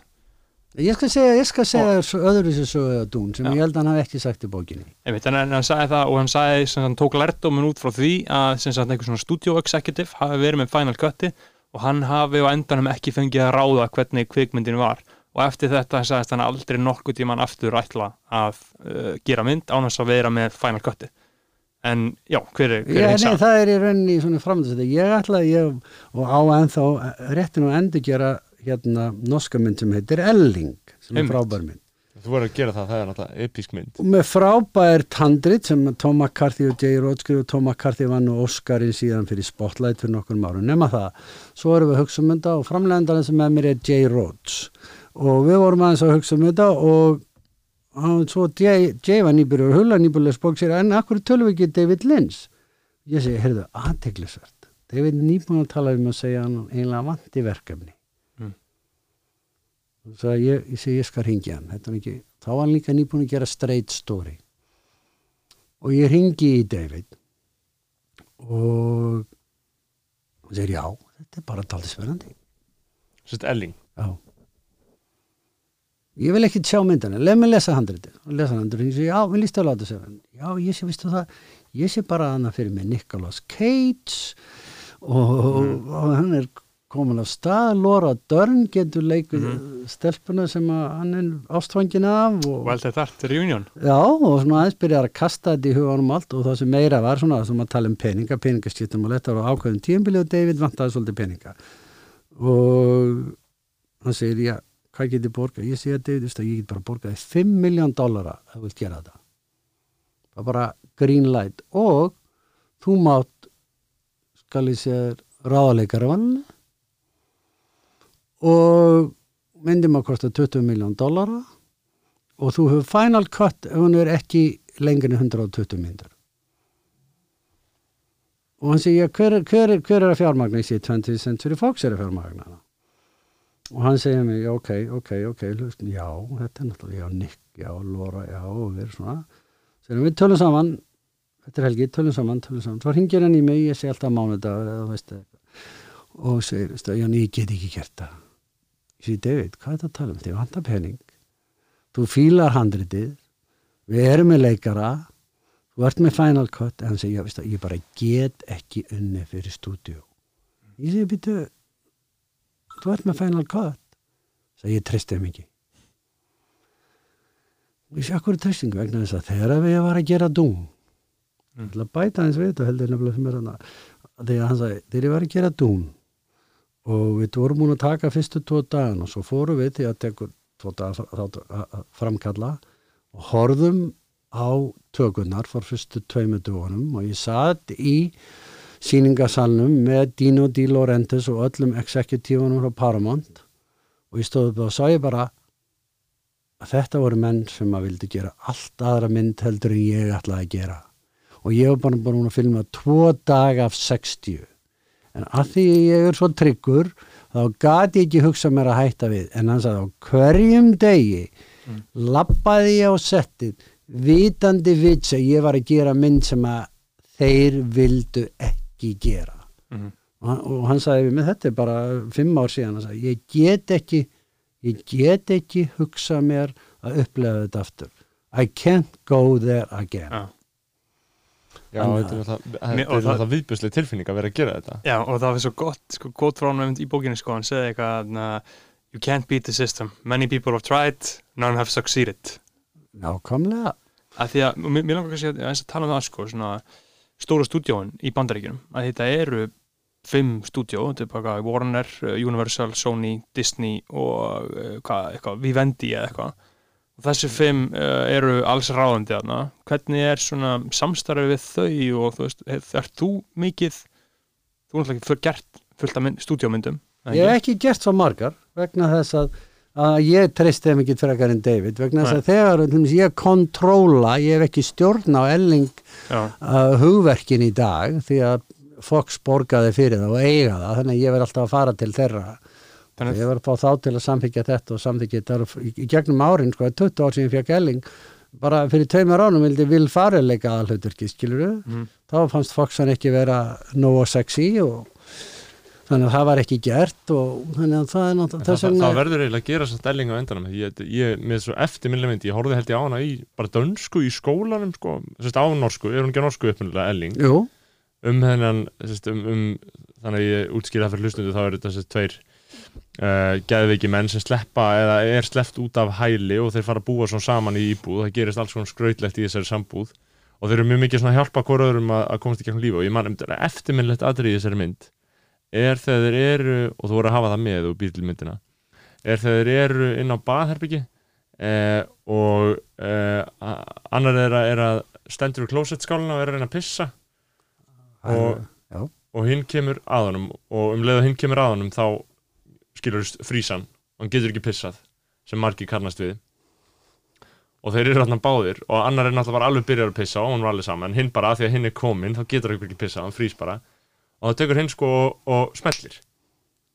Og um leið að gera þá fer hinn að stað sko, byrja að pissa. Og þetta er svo episk sena um það sko hvernig þú færði til að pissa sko. Hann tekur Mhm. bara smellir og hann fer að pissa sko. Ég er einmitt að akkurat, þetta er briljant atrið þetta er læknisráð sko.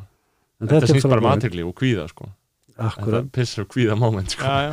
Þeim, Ég er þeim að vinna með þeim leikstjór aftur í dag og annari mynd sem heitir Ólasingin sem er eftir sama, byggða bók sem er eftir sama höfund og gerði í Gamlingjan sem var mynd sem að ég já, framleiti með svíum. Þannig að við skulum sjá, Einmitt. hann heitir Pete- Petter Ness eða Peter Ness Já, og við skulum sjá hvernig okkur gengur vonandi fyrir hún að staða næsta ári. En við varum svona að tala um afrikin, ég hef aldrei farið yfir budget Já. og náttúrulega bara hefni. Og Það er bara því að við erum frábært fólk því ég er vonlaus í, í smáadru. Hversu mikið ert þú að spá í peningunum? Hversu mikið ert þú í einhver Excel-skjali? Ég er mikið í Excel-skjali en ekki alveg í smáadru. Nei, nei, út með einhvern svona kontant já, í já, það. og hverjum degi farið kostreport skilu daily report um hvað, bó- hvað, hvernig sá það hvort að dagurinn gekk upp Mhm. þetta er bara eins og þegar ég var með 66 gráður norður þá fyrst á hverjum degi í, í lók dags sölutölunar þú voru að vita hvað er að selja og Já, já, þannig að það eru engi munur á því. Nema fyrir þannig að kvikmynd er hún er svo takmarkaða rammi, þú hefur bara 30 daga eða 60 daga og ef þú missir dag úr þá færða hann ekkit aftur því að leikararnir fara þú hefur bara þessa 60 daga til að framlega þessa vöru þannig að ef þú missir dag þá er hann svo dýr. Uh, og svo hef ég líka bara verið rosalega heppin. Ég hef bara aldrei lent í úti stöðum við leikara. Bara aldrei. Einu sinni, ég við tölum með Nicolas Cage þegar við vorum að gera að Red Rock West. Það er eina skipti sem maður þetta segi Nicolas með einu sinni. Og því að hann er svolítið spes. Frábær náingi. Sem, Janni, þú er að koma hérna.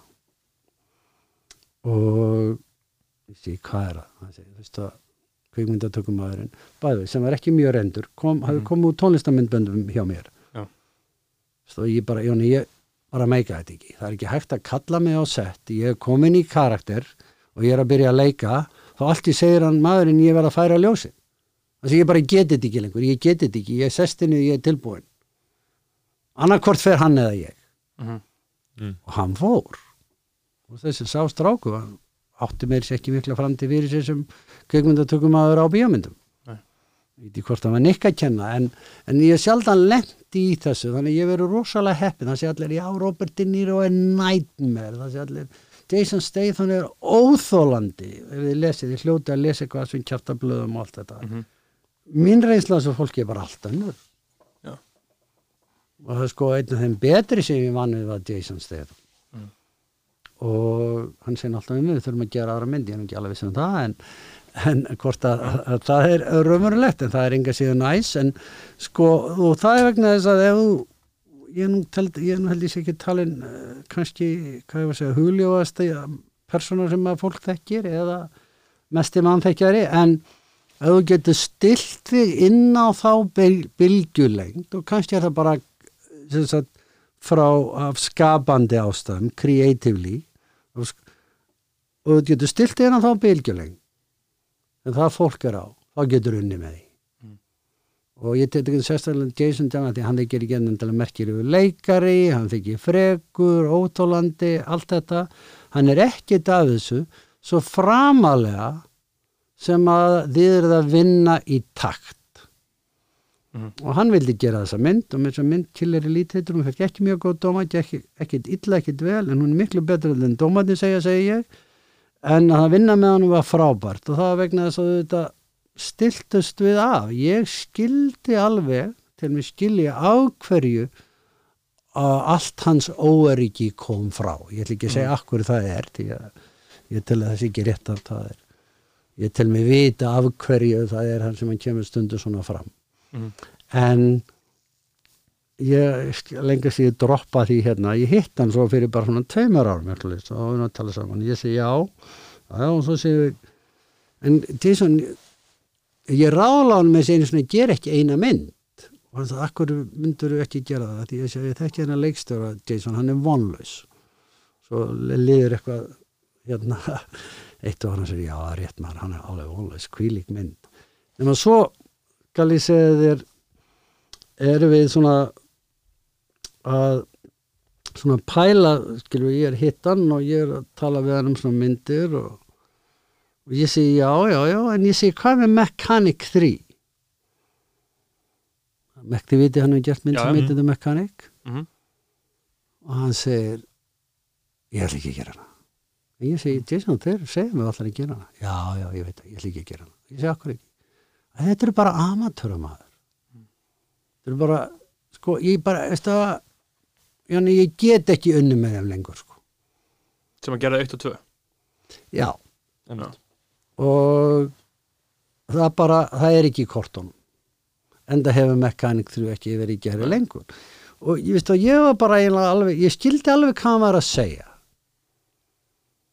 Fólki sem hann var að vinna þarna það var ekki á sama standard og hann var komin á og hann hafi verið á þegar hann var að gera mekanik 1 Er þetta svona, verður fólk að verður mjög góðu vant, mjög hratt eða ekki? Í svona dæmi.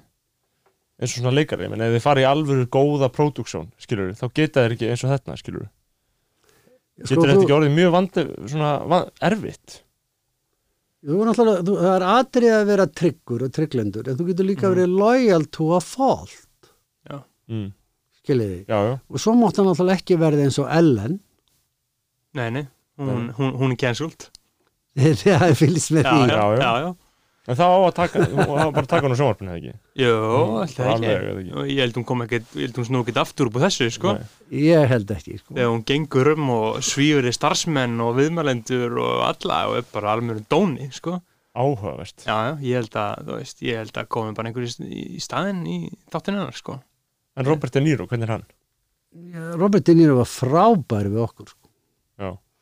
Og ég veit ekki við, hvað um hvort við tími þá svo, en það er aldrei aðeinsveld saga. sko það er náttúrulega líka annað við höfum eins mikið tíma og við viljum, bara við höfum sko, við getum sagt að við höfum uh, þarf þú að fara? Nei, nei, ég held ekki, ég er ekki alveg klara Já, Ég, við höfum við erum bara Við höfum pottróleg tíma sko, við- þetta, Ég- er, þetta, er, sko, þetta er alveg formið. Við getum verið eins lengi við viljum. Einmitt og við mér verðum ekki til að- liðnettir sko. mér langar til að spurja þig sko um námið og bókmyndafræði Svo þurfum við að tala um átökjun á vinnumarkaðinu Já, sko. og- átingin minni var svona hljóðið tala um það er mikið vett aðrið, en Já. ég segja hvað dinir er það ekki, ég jú, hvað það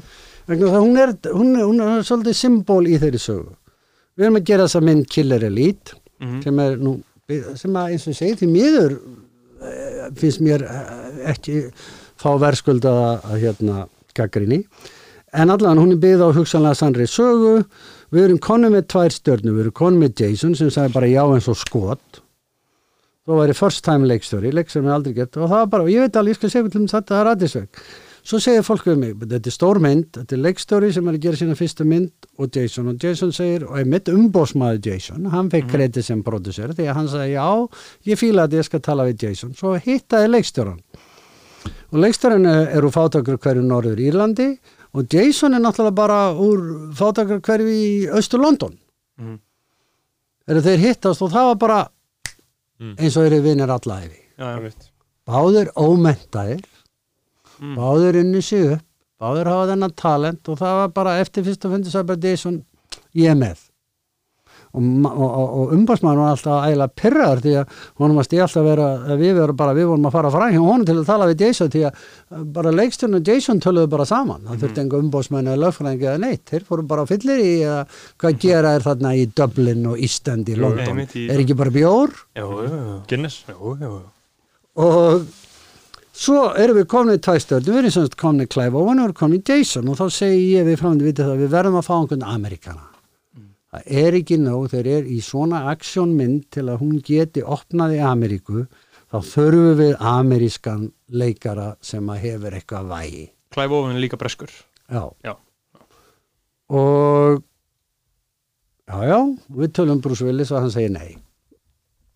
Og þá segi ég við við fyrir að, að, að, að þá segir við, ok, en hvað með De Niro? Og De Niro var þá nýkomið sama umbásmann og Jason.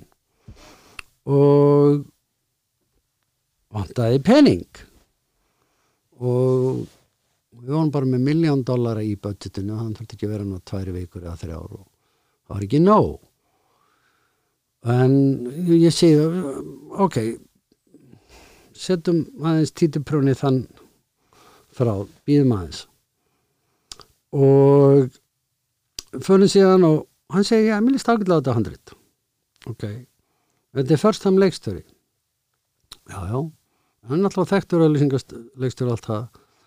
Og ég segi við umbósmann Jason sem er náttúrulega hefur hagsmun af því að þessi góðu menn í myndinni með Jason sem Jason er búin að ákveða að taka þátt í og komin í full fjármögnun á sem skipti máli. Ég vilt ekki bara vilt ekki bara, hann heiti Joss ég segi Joss, vilt þú bara ekki redda bara fundi. Geta hist, báður í New York. Og ef það dinnir á fílar hann ekki þá er þetta bara hvort þau dött mál. Þeir fara á fund og aftur bara dinnir á fílar gæjan og svo er komið að því náttúrulega að nú er komið að því að negósýra peningana. Og þá segir hérna skal ég segja þér miljón döri til hann það þrjár. Það er bara einu hálf miljón dólar á viku og svo enga flugilefnin til Ástralíu og allt þetta. Og nú eru góður á dýr. Og ég vildi alls ekki missa. Og þess að ég segi við umbásmann Jason, veistu það? Jason er að fá 6 sjáum hvort hann ekki til að taka 5 og láta hann nýra að fá 5 og segja svo fyrir svo í dreifingafyrirtæk sem allar setja 20 miljón dollari að dreifa myndinni. Tökum eina af því að láta hann 19 og þá eru komin á fyrir til nýra og umbásmannin segir eftir þú talar ekki við Jason um að lækka launin. Það er engar mm. launalækkani hér. Það ég er formaður hans stjættafélags ég segi ok. Nema að ég gera þau þetta sjálfsögðu. Og ég kem inn á fundi með Jason Statham. Hann segi já ég veit hvað allar ræði mig. Já já. Hvað viltu fá mikið? Ég segi ég veit ekki. Miljón miljón já já. Það er bara good thing. Þá er Dinero örglaði þá með. Ég segi já, ef að þú segi já. Það lækkaði úr 6 miljónir í 5 hann held að sérna með 20 í dag fyrir Mhm. fasteðin fyrir já já, bara ekki mál. Bara endilega. Mm. af hverju? Akkur skildi ekki Jason Statham vilja ve- ve- vera í mynd með Robert De Niro? Hvaða máli skipti hann hvort hann fær 5 eða 6 miljónir þannig var það, nema svo fyrir við að taka myndina og og það gekk nú svona upp og niður skilur, þetta er risa aksjónmynd og leikstöður náttúrulega ekki þar endur nema svo erum við að taka og við erum að taka í svona neðanjarða göngum allt fullt af ríki og drull og drasl og við höfum bara einn dag til að taka.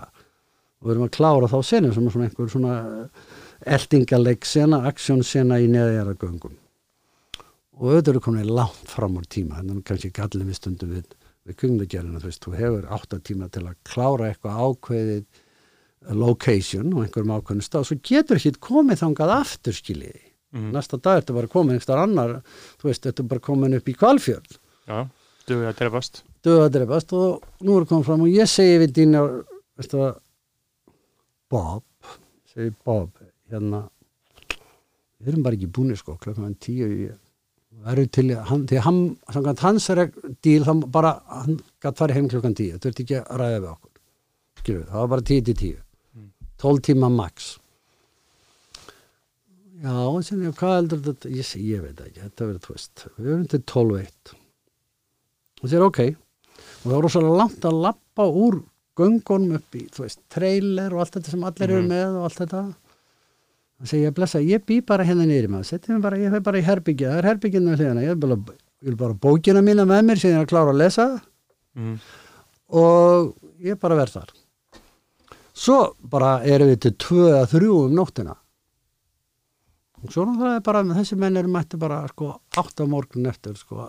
Engin vandræði.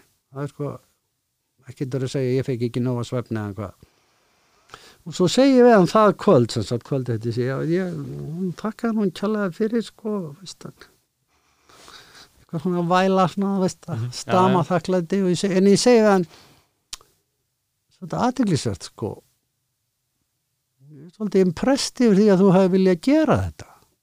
Þú þurftir ekki að gera þetta. Þess að ég er ekki að gera þetta fyrir þig.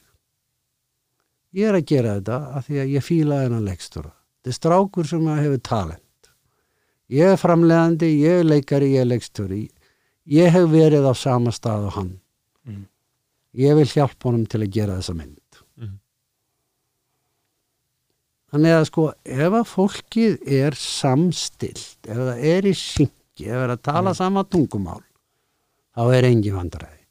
En ef þú ert með einhvern kjána, bjána hrókafullan gikk sem veit í hvað hann gera það ekki sagt að Dinir hefði bara hlaupið að mis og það er svolítið svoleiðis með þeim uh, frekar í kveikmyndagerð en nokkur annari svona starfskrein að allir eru saman í þessu.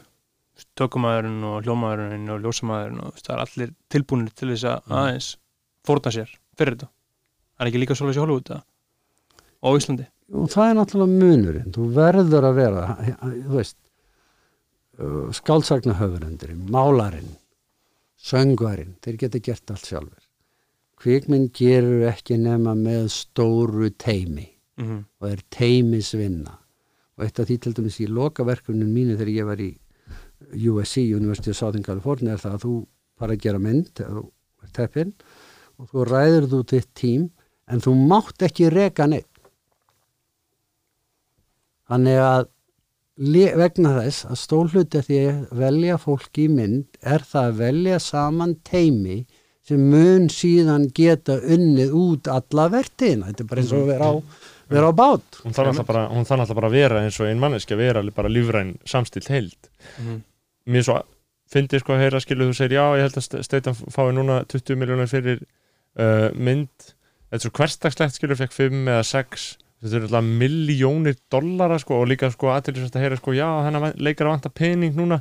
Þá er einhver svona högstaður á honum. Þá er þetta að fá hann í eitthvað skilu ef að, ef að, ef að fólk vanta pening. Og, og ég þekki þetta náttúrulega líka bara á rappi að stundum eru, ég þekki rappara og stundum eru, þú veist, þeir eru almennt með mjög háar tekjur en stundum koma tímar þar sem að það bara vanta pening. Já, já, menn er alveg að taka grunnskóla gegn fyrir helmingi, helmingi minni prís í dag og, og þá sko. tekur fólk bara eitthvað á sig Já, sko, þú veist, auður og tekjur er afar afstæð hugtök og þess vegna þetta við erum að segja það sko því að ég hafði eitt af því sem ég hafði viljað koma inn á hérna í íslensku þjóðfélagsumræðinni vegna þess að það er enginn að ringi mig og spyrja mig áleitt sem auðvitað mikið vombriði Mm. Mm. en það er nú bara einhvern veginn þannig Katrín og Bjarni, það ringi ekkit í mig Nei.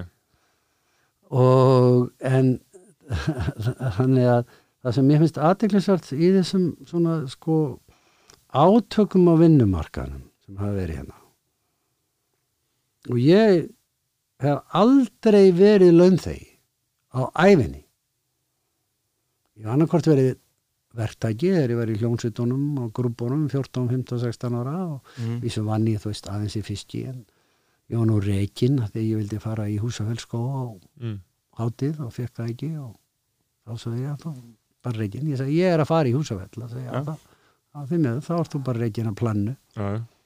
það var á Akranesi á Skaganum hjá Haraldi Böðusinni og hann er ég annarkvort bara verið verktæki eða atvinnureikandi Mhm. en ég skil ekki þessi, þessi læti út af öllum þessum hérna kjaradeilum. Þetta er bara ofvaksi mínu skilningi Og, og hva- hvar, hvar, hvar finnst þið vandin líka? Hvar, er- hvar, eru lætin óþörf?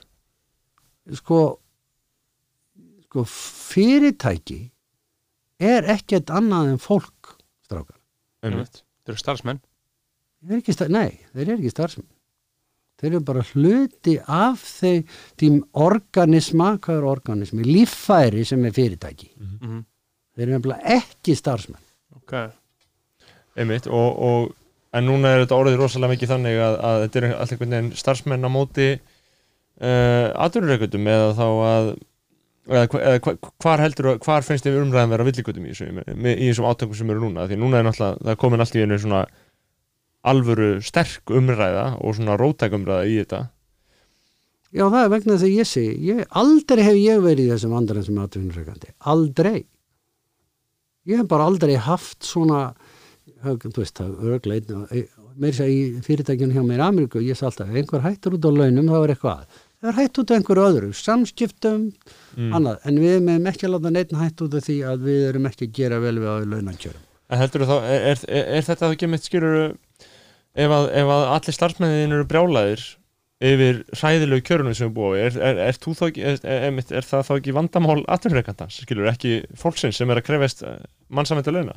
Ég lít svo á. Já, Ég lít svo á að, ef þú, sko, það er tvent í þessu og það er svona fluglega máli að deili með, með, með, með flugfriðina mm til dæmis sem hann stæðist sko, náttúrulega ef það er ekki laga til hjá fluglegum, ég vil ekkit fara inn í þetta fluglega mál við deiktum þetta þá náttúrulega fer fyrirtæki á hausin skiljiði?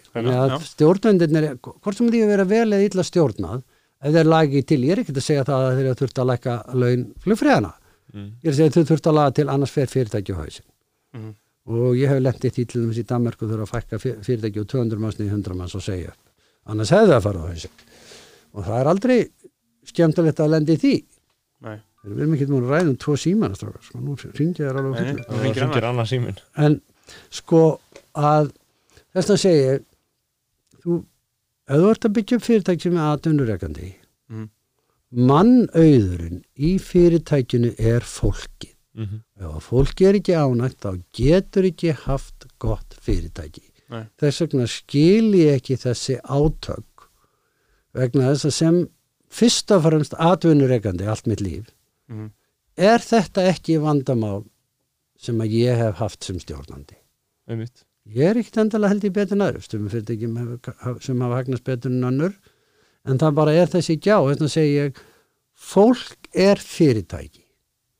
Fólk er ekki laun þegar. Mhm. einmitt. það er munur en stjórnmáli, menn eins og pólitíkin í þessu bara eins og líka í þínu æfistarfi hvar, hvar kemur pólitíkin inn í þetta? Veist, fólk er er alltaf að passa sig að uh, tók ekki ranga spotta og svo framvegis og, og þetta er náttúrulega, ég meina að, ta að, að taka afstöðu með uh, launafólki er náttúrulega næstu í pólitísk afstæð í dag þó náttúrulega ég get ekki sé að þú sitt að taka mikla áhættu með að gera það ég meina, fel- menn eru bara að tala hérna öllum nótum. En pólitíkin í, í til dæmis Hollywood, hvar þarf fólk að hvernig er það er fólk ekki rosa mikið að núna ber, Nú bara símandinn alveg að stað. Já. Já, nú fara þetta erum stað við erum alveg verið búnir við erum alveg að vera búinir en, en þarna, er, þetta, er þetta áriðandi símtal Nei, nei, nei. Nei. Það er um, engin símtur áriðandi. Man bara gerir það áriðandi. Já, Já. ok. en pólitíkin, hva, hvernig lítur á pólitíkina Ég hef alltaf sagt, pólitíkin er leiðendatík. mm. Já. leðenda tík Já, já, hún er það, þú sannlega Og ég held að það sé eina sem að ég get sagt um það. Ég veit Mm. að ég hef aldrei þrifist í pólitík. Pólitík sem byggir svo mikið á hagsmuna gæslu mm -hmm. og hann byggir þar af ekki kannski á klíkuskap og öðru hlutum og ekki það að ég sé eitthvað betur en því. Ég hef aldrei verið mjög góður í því. Og það er kannski að því að ég hef alltaf, sem er kannski kostur og galli, að ég bara horfi á hæfileika einstaklings. Þess til ég mér að kannski verið heppin í því í mínum ég segja ferli, kannski í mínu lífi, ég allan tekst að halda í svona sömu fjölskyldu og sömu eiginkonu í nokkar mm. áratugi og hvað sem er henn að þakka eða mér að þakka eða að hérna sko, og ég dreg fólk þess vegna ekki dilkætti því. Og ég er ekki tilbúin að skipta um skoðum bara því að ég þarf að greiða atkvæði með þess eða hinn, ég er það ekki. Og ég, þannig að, þú veist, ég á kunningja sem er og, og svo má maður heldur ekki þetta, einn kunningi minn í Ameríku einn af mínum betri vinum og bestu starfsmönnum, hann er sko, hann er hann er republikani uh, heitrúaður hérna kallið sér sjöndi aventisti og trumpisti. Það beiti ekki, hann er einn af mínum bestu vinum og bestu starfsmæður síðan við en við ræðum ekki beint pólitík. Mm. og ég hérna held þess að ég myndi ekki þrýfast í því landslægi sem er í pólitíki talingjum og í þessari hérna, í þessu litla baðkeri sem Ísland er að þurfa alltaf vera að gefa eftir út af því að þetta og svo farið þetta og svo farið hitt. Ég verð svo heppin að þurfa ekki að lenda í því. Og hérna held, ég myndi aldrei held ég hafa þrýfist í því en ég held ég myndi ekki þrýfist í þetta það eru þetta annars konar pólitík allstaðar, pólitík í öll Mhm. byrju, er þið ekki við um okkans mm, já, ég, ég, ég er Ha? mokkanum. Já, ég menna það. Byrju, Be- hver, ekki er- bekki Nei, nei, e- hver, þetta er að borga eitthvað laun skiljið við, Ha? við sjálfur á við, hlustendurnir. við, við notum síðu sem en, heitir en ég er sammálaður, þetta er alltaf pólitík. Ég meina, ég, maður vinnur fyrir mokkan og svo, svo vinnur maður fyrir þennan mann og svo vinnur maður fyrir næsta og maður getur ekki alltaf verið að segja allt sem maður hugsar alveg ofinberlega, ég meina ég, tenk, ég veit, er, og það er pólitík í öllu og það er Ja. pólitík þó að segja ekki pólitík. Það er það sem ég er að segja, mitt líka með, með, með list skilur, það er alltaf pólitík í öllu maður þarf, Já, já, maður þarf að passa sig að halda fólki góðu Uh, sem, en maður þarf líka að passa sig að lifa ekki bara fyrir það, af því að ef maður lifi bara fyrir það þá er maður náttúrulega ekki neitt nema bara einhver Mm. endurspeglun af einhverjum vilja annara einmitt. En við náttúrulega uh, við náttúrulega þú kannski á því við fjármagnum þetta hlaðvarp. Í gegnum uh, patreon.com það sem að hlustendur greiða mánaðarlega áskrift og við erum þar með fullkomlega óháðir svona formlega en auðvitað eru fullt af hluti sem við kannski segjum ekki að því að við viljum ekki móðga vittlust fólk eins og bara sem að gera almennt í lífinu skilji. En svona við erum svona er svona nýtt, nýtt business model sko að fá peningin okkar frá já, beint frá hlustendur mér, mér finnst það áhugavert og, og hérna, ég ég til dæmis skil ekki alltaf öll þessi læt út í Davi Oddsson. Hver er að setja þessi á sig ég finnst það ágætis penni, þannig bara að lesa. Það er bara skoðun. Mm Þú veist, fyrir þetta það voru nú ekki um 11% sem kusan til fósita þannig að það, ég veit ekki akkur fólk er með Mm. svona rosalega áhuggjur á því. Ég held að margir sem Mhm. eru á móti Davíð allan er sérstaklega í dag Ég held að fólk lesi ekki það sem hann skrifa þegar hann er frábær penni þetta er það sem ég segi alltaf, Reykjavík bregða sunnudum er frábært lesefni, ég mæli með því fyrir hvert sem en þetta er eins og einn af mínum upp á skrifundum er líka Yllu Jökulsson, það er allir á móti honu líka. Já, hann er náttúrulega fyrir þetta hans hérna sko all, það sögulegu greina sem hann skrifar er náttúrulega frábæra mhm, já, já. en ég bara segja, að ég skil ekki alveg betur fínt, leifum mörgum pennum að lifa sko, þú, veist, þú getur Mhm. bara hætta við að lesa Davíð og vilt ekki en Já. stolt að leiða ah, En ég svo bara þú, ég, ég gleipi í mig ég gleipi í mig allt hægri kommentari ég lesi eiginlega miklu meira hægri kommentari en, en vinstri kommentari sko. Sem er kannski, eh, kannski að, að skekka mynd mín að heiminum en þá er ég líka bara til í að hún skekki stæðar og svo kemur hún tilbaka og, og flöktir. Það er bara, það er bara alltaf heilbreytt sko. Sko, áður en við myndum sleppa þér það er náttúrulega ímislegt sem maður myndi vilja spyrjum en, en, en mér langaði að velta, velta upp þessu um, þessari breytingu sem var í Hollywood fyrir nokkurum árum. Hugsanlega byrjaði hún fyrir þetta með þetta klassiska, þetta Me Too dæmi Harvey Weinstein og allir þessi snillingar eh, hvernig svona spilaborgin af ofbeldi sem þeir eru hla- hlaðið upp hrundi eh, hvað gerðist þarna?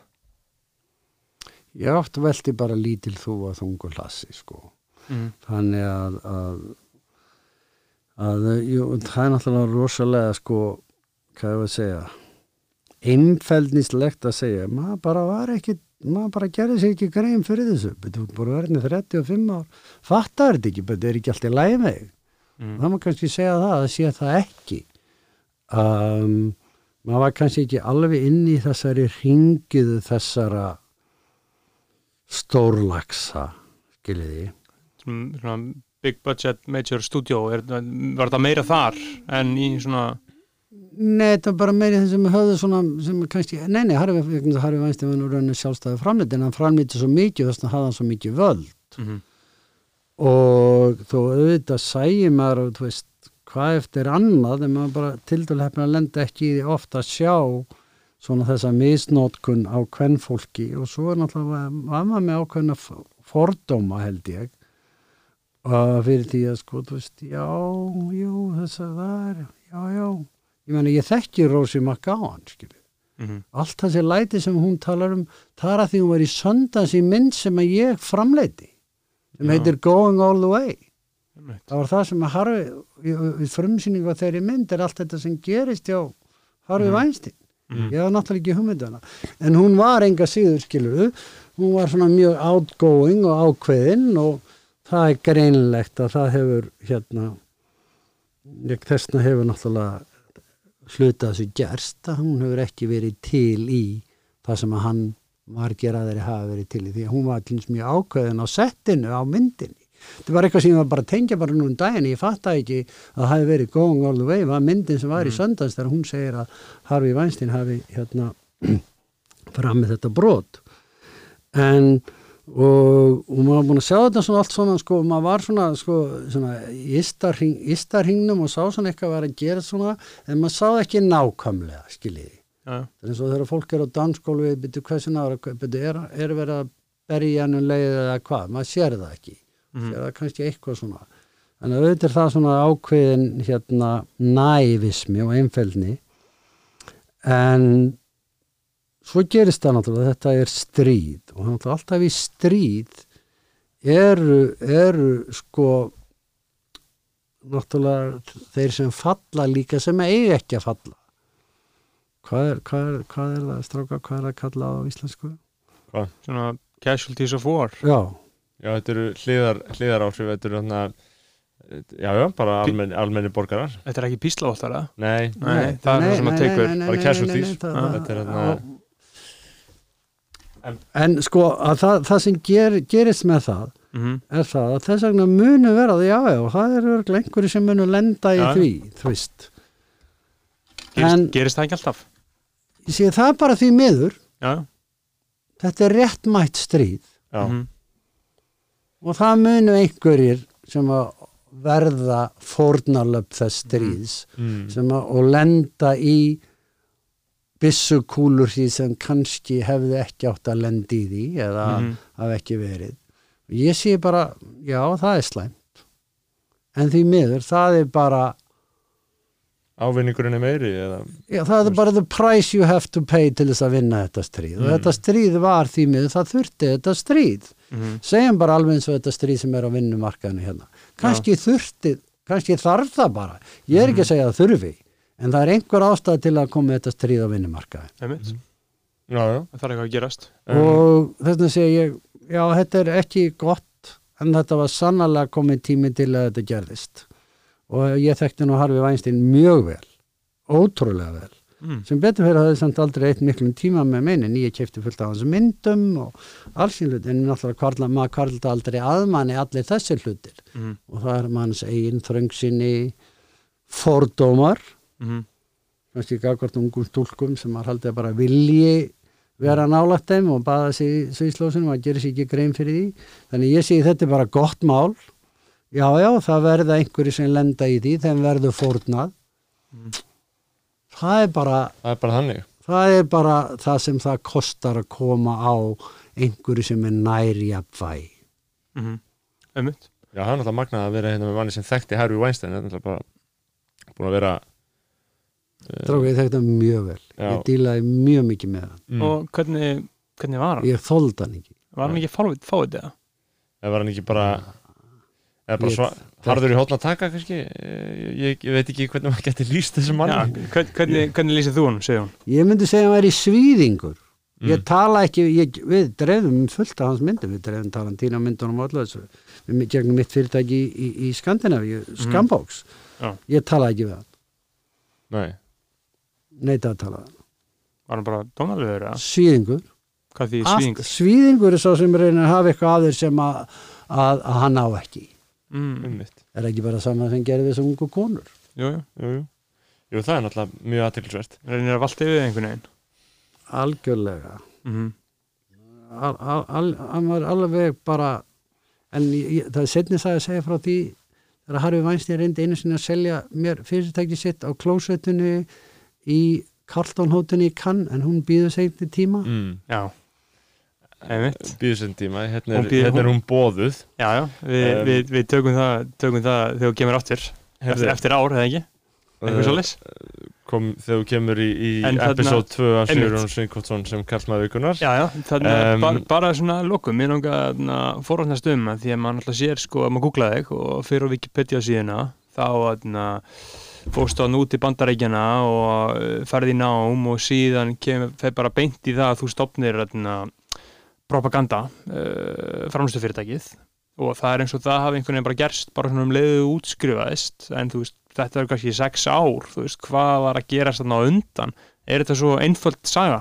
Nei, alls ekki. En þannig hún er löng og flókin Já, já, og, og meira af tilvílun heldur að neyðin kenni nættur konu að spinna. Propaganda var til vegna þess að við vorum að reyna að komast inn í kvikmyndabræðinsan en þar voru okkur haldið úti vegna þess að það er lokakerfi og þar eru það stjættafélagin sem ráði hverju komast inn. Mm. já, ok. Og það tekur mörg ára að komast inn vegna þess að þetta vilja þeir ekki hleypa of mörgum mynd þess að geta viðhaldið sjálfum sér. Mhm. það er hinn hliðin á stjættafélagum Já. og við komast ekki inn tónlistariðnaðurinn, tónlistamindbæðnaðurinn var nýr, það vissi engin hvað það var. Þeir sem voru í kvikmyndunum og, og sjónvarpinu og það verður líka mjög ólíkið sem sagt, þá tölust þeir miðlar ekkit við. Og allt hérna bara, ok þarna er glufa. Tökum hana. Já.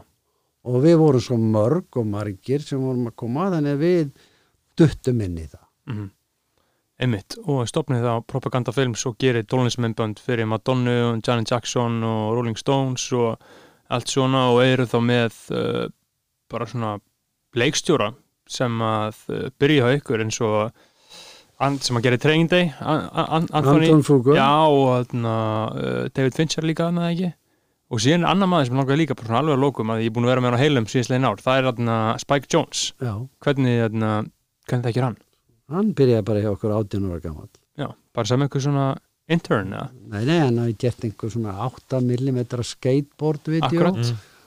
sem voru, mér fannst alveg vonlaus utan hann gæti ekki sagt eina heila setningu Mm og þær sögðu með alla stelpunna sem voru vildi að fá hann ég veist að Jón hann er snillingu hvað, hvað er veist snillingu maðurinn getur ekki, þetta er eitthvað uh, út úr fókus -hmm. s- uh, hérna s- spretta vídeo með Já. yngri sögu og svo setur hann á fundi og segir bara cool, yes, no, great Mm. hvernig getur hann haft talent það er, það er tvær stúlkur sem hann hann er stillingur, ég segi ok alltaf leið, ef hann er stillingur, þá Mm. tækja hann bara og, og síðan fór hann bara allt inn og svo sá maður þessi Beastie Boys video sem maður hugsa bara um sig, hvað er, hver er þetta? Já. Þetta getur ekki verið þessi drengur sem satt inn hjá skrifstofunni hjá mér og gæti ekki hort í nögum og horfði bara niður og, og á tætnar og svo sagði já, nei, cool, frábært, æðislegt, Mm. snillingur, frábær drengur, frábær maður. og síðan alltaf Emmett. Það, fá orð bera mest að þunga. Já, já, hann er það. Hann er alltaf svo, þú veist, hann er ekki gert svo margt, sko, með, þú veist, Being John Malkovich og hann pródúsaði Jackass og síðan gera hann Adaptation sem er svona mín uppáhalds kvikmynd, sko. Og þarna einmitt, nóm hann Nei, en þarna, hör er náttúrulega meistaraverk. Einmitt. Einmitt þarna, hann uh, kom til Íslands og gerði vídeo með Björku já, auðvitað, það var tekið á Íslandi. Já, já, já ok, Já, tvö, við gerum tvö með honum, Já. ekki, ekki gerði hann í LA, þannig já, All So Fine, þið veitir, lagið, Já. og, Mm. og hitt gerði hann hér, já. einmitt. Finnæðing. Einmitt, það Einmitt. Fannst þér ekki bara gaman að koma í skoðanabræður, segir hún Þú Jú, jú, við skulum klára þetta í strákar, sko, ég vann svo mikið með Madonna og í Madonna, og Madonna var að auglýsa, segja frá því í dag, var, dag varum við að segja frá því að Madonna er að fara að gera bíómyndum sína eigin æfi, já, já og hún ætlar að leikstýrinni sjálf, mhm, og ég segi það verður einhver disaster, já, þó hafi verið frábært að vinna með henni. þarf þú bara ekki komið inn og pródusera þetta fyrir hana Og það syngi hérna Ég, ég, ég held að, að hérna, Með hvorum símanum myndir þú syngi í Madonna eða? ég myndi ringja henni í ameríska símanum, en ég, ég held samt sem aðurstrákar að, að það sé eins og jógurt með það hjá mér og Madonna. Minn tími hjá Madonna sé útrunnin já, Já. ég, ég, er, ég er jógurt í ískapnum sem að komið tímin á hjá henni. Einmitt, einmitt En það var já. iPhone-in, hitt er Android, þetta eru tveir símar og, og Sigurjón er á leiðinu út hérðan. já, Uh, ég segi bara takk fyrir komuna, Sigurjón. Já. Uh, þetta, Já, sömulegis, ég var bara aðtöf hvort ég væri með símanúmeri en ég er það ekki, því mér nei, þetta einmitt er jógurtið. já, já, þarna uh, takk fyrir komuna þarna, Sömulegis strákar, þið stitt, þið pa- passið svo að stitta þetta. Já, styrtum einmitt. reyndar ekki mínúti, þetta er bara alveg þetta lengt. er bara klukkutíma og 45 Þetta er mínútur feature og við erum með sagallari veislu. Við erum með Final Cut. Takk fyrir að hafa mig, þið veitum meir en ég. Já, Já, takk fyrir, bless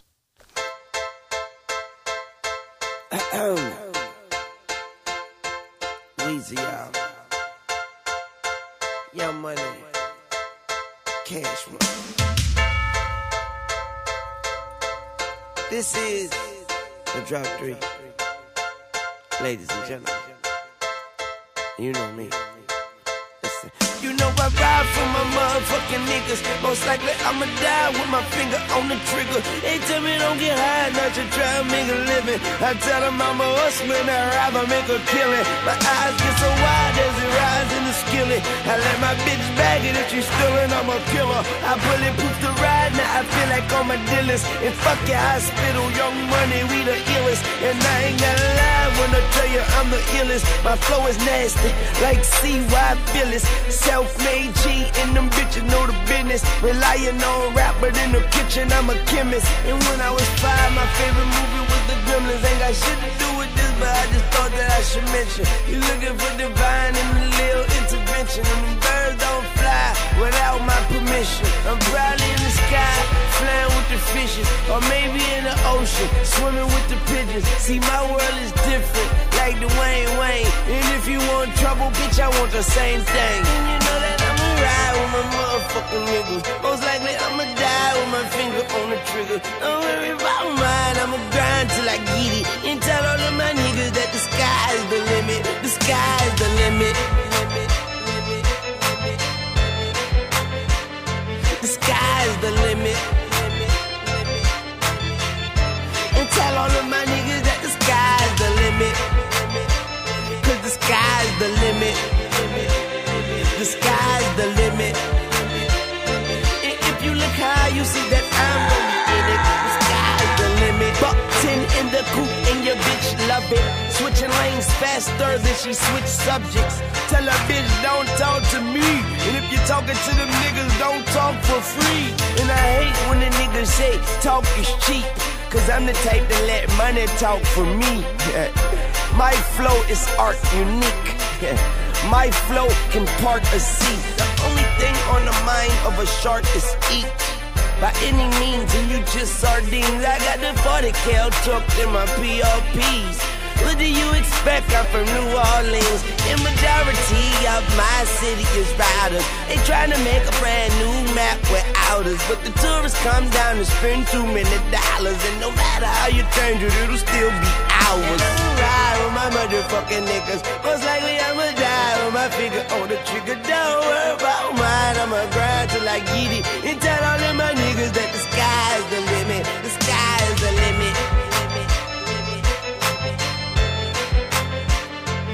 Sky's the limit. And I'ma tell all of my niggas that the sky's the limit. Because the sky's the limit. Yeah, the sky's the limit. And if you look up high, you see that I'm gonna be in it. Cause the sky's a soldier. Use your head up, I take it off your shoulder. Burn up in your house and shoot everyone that's sitting on the living room sofa. That's fucked.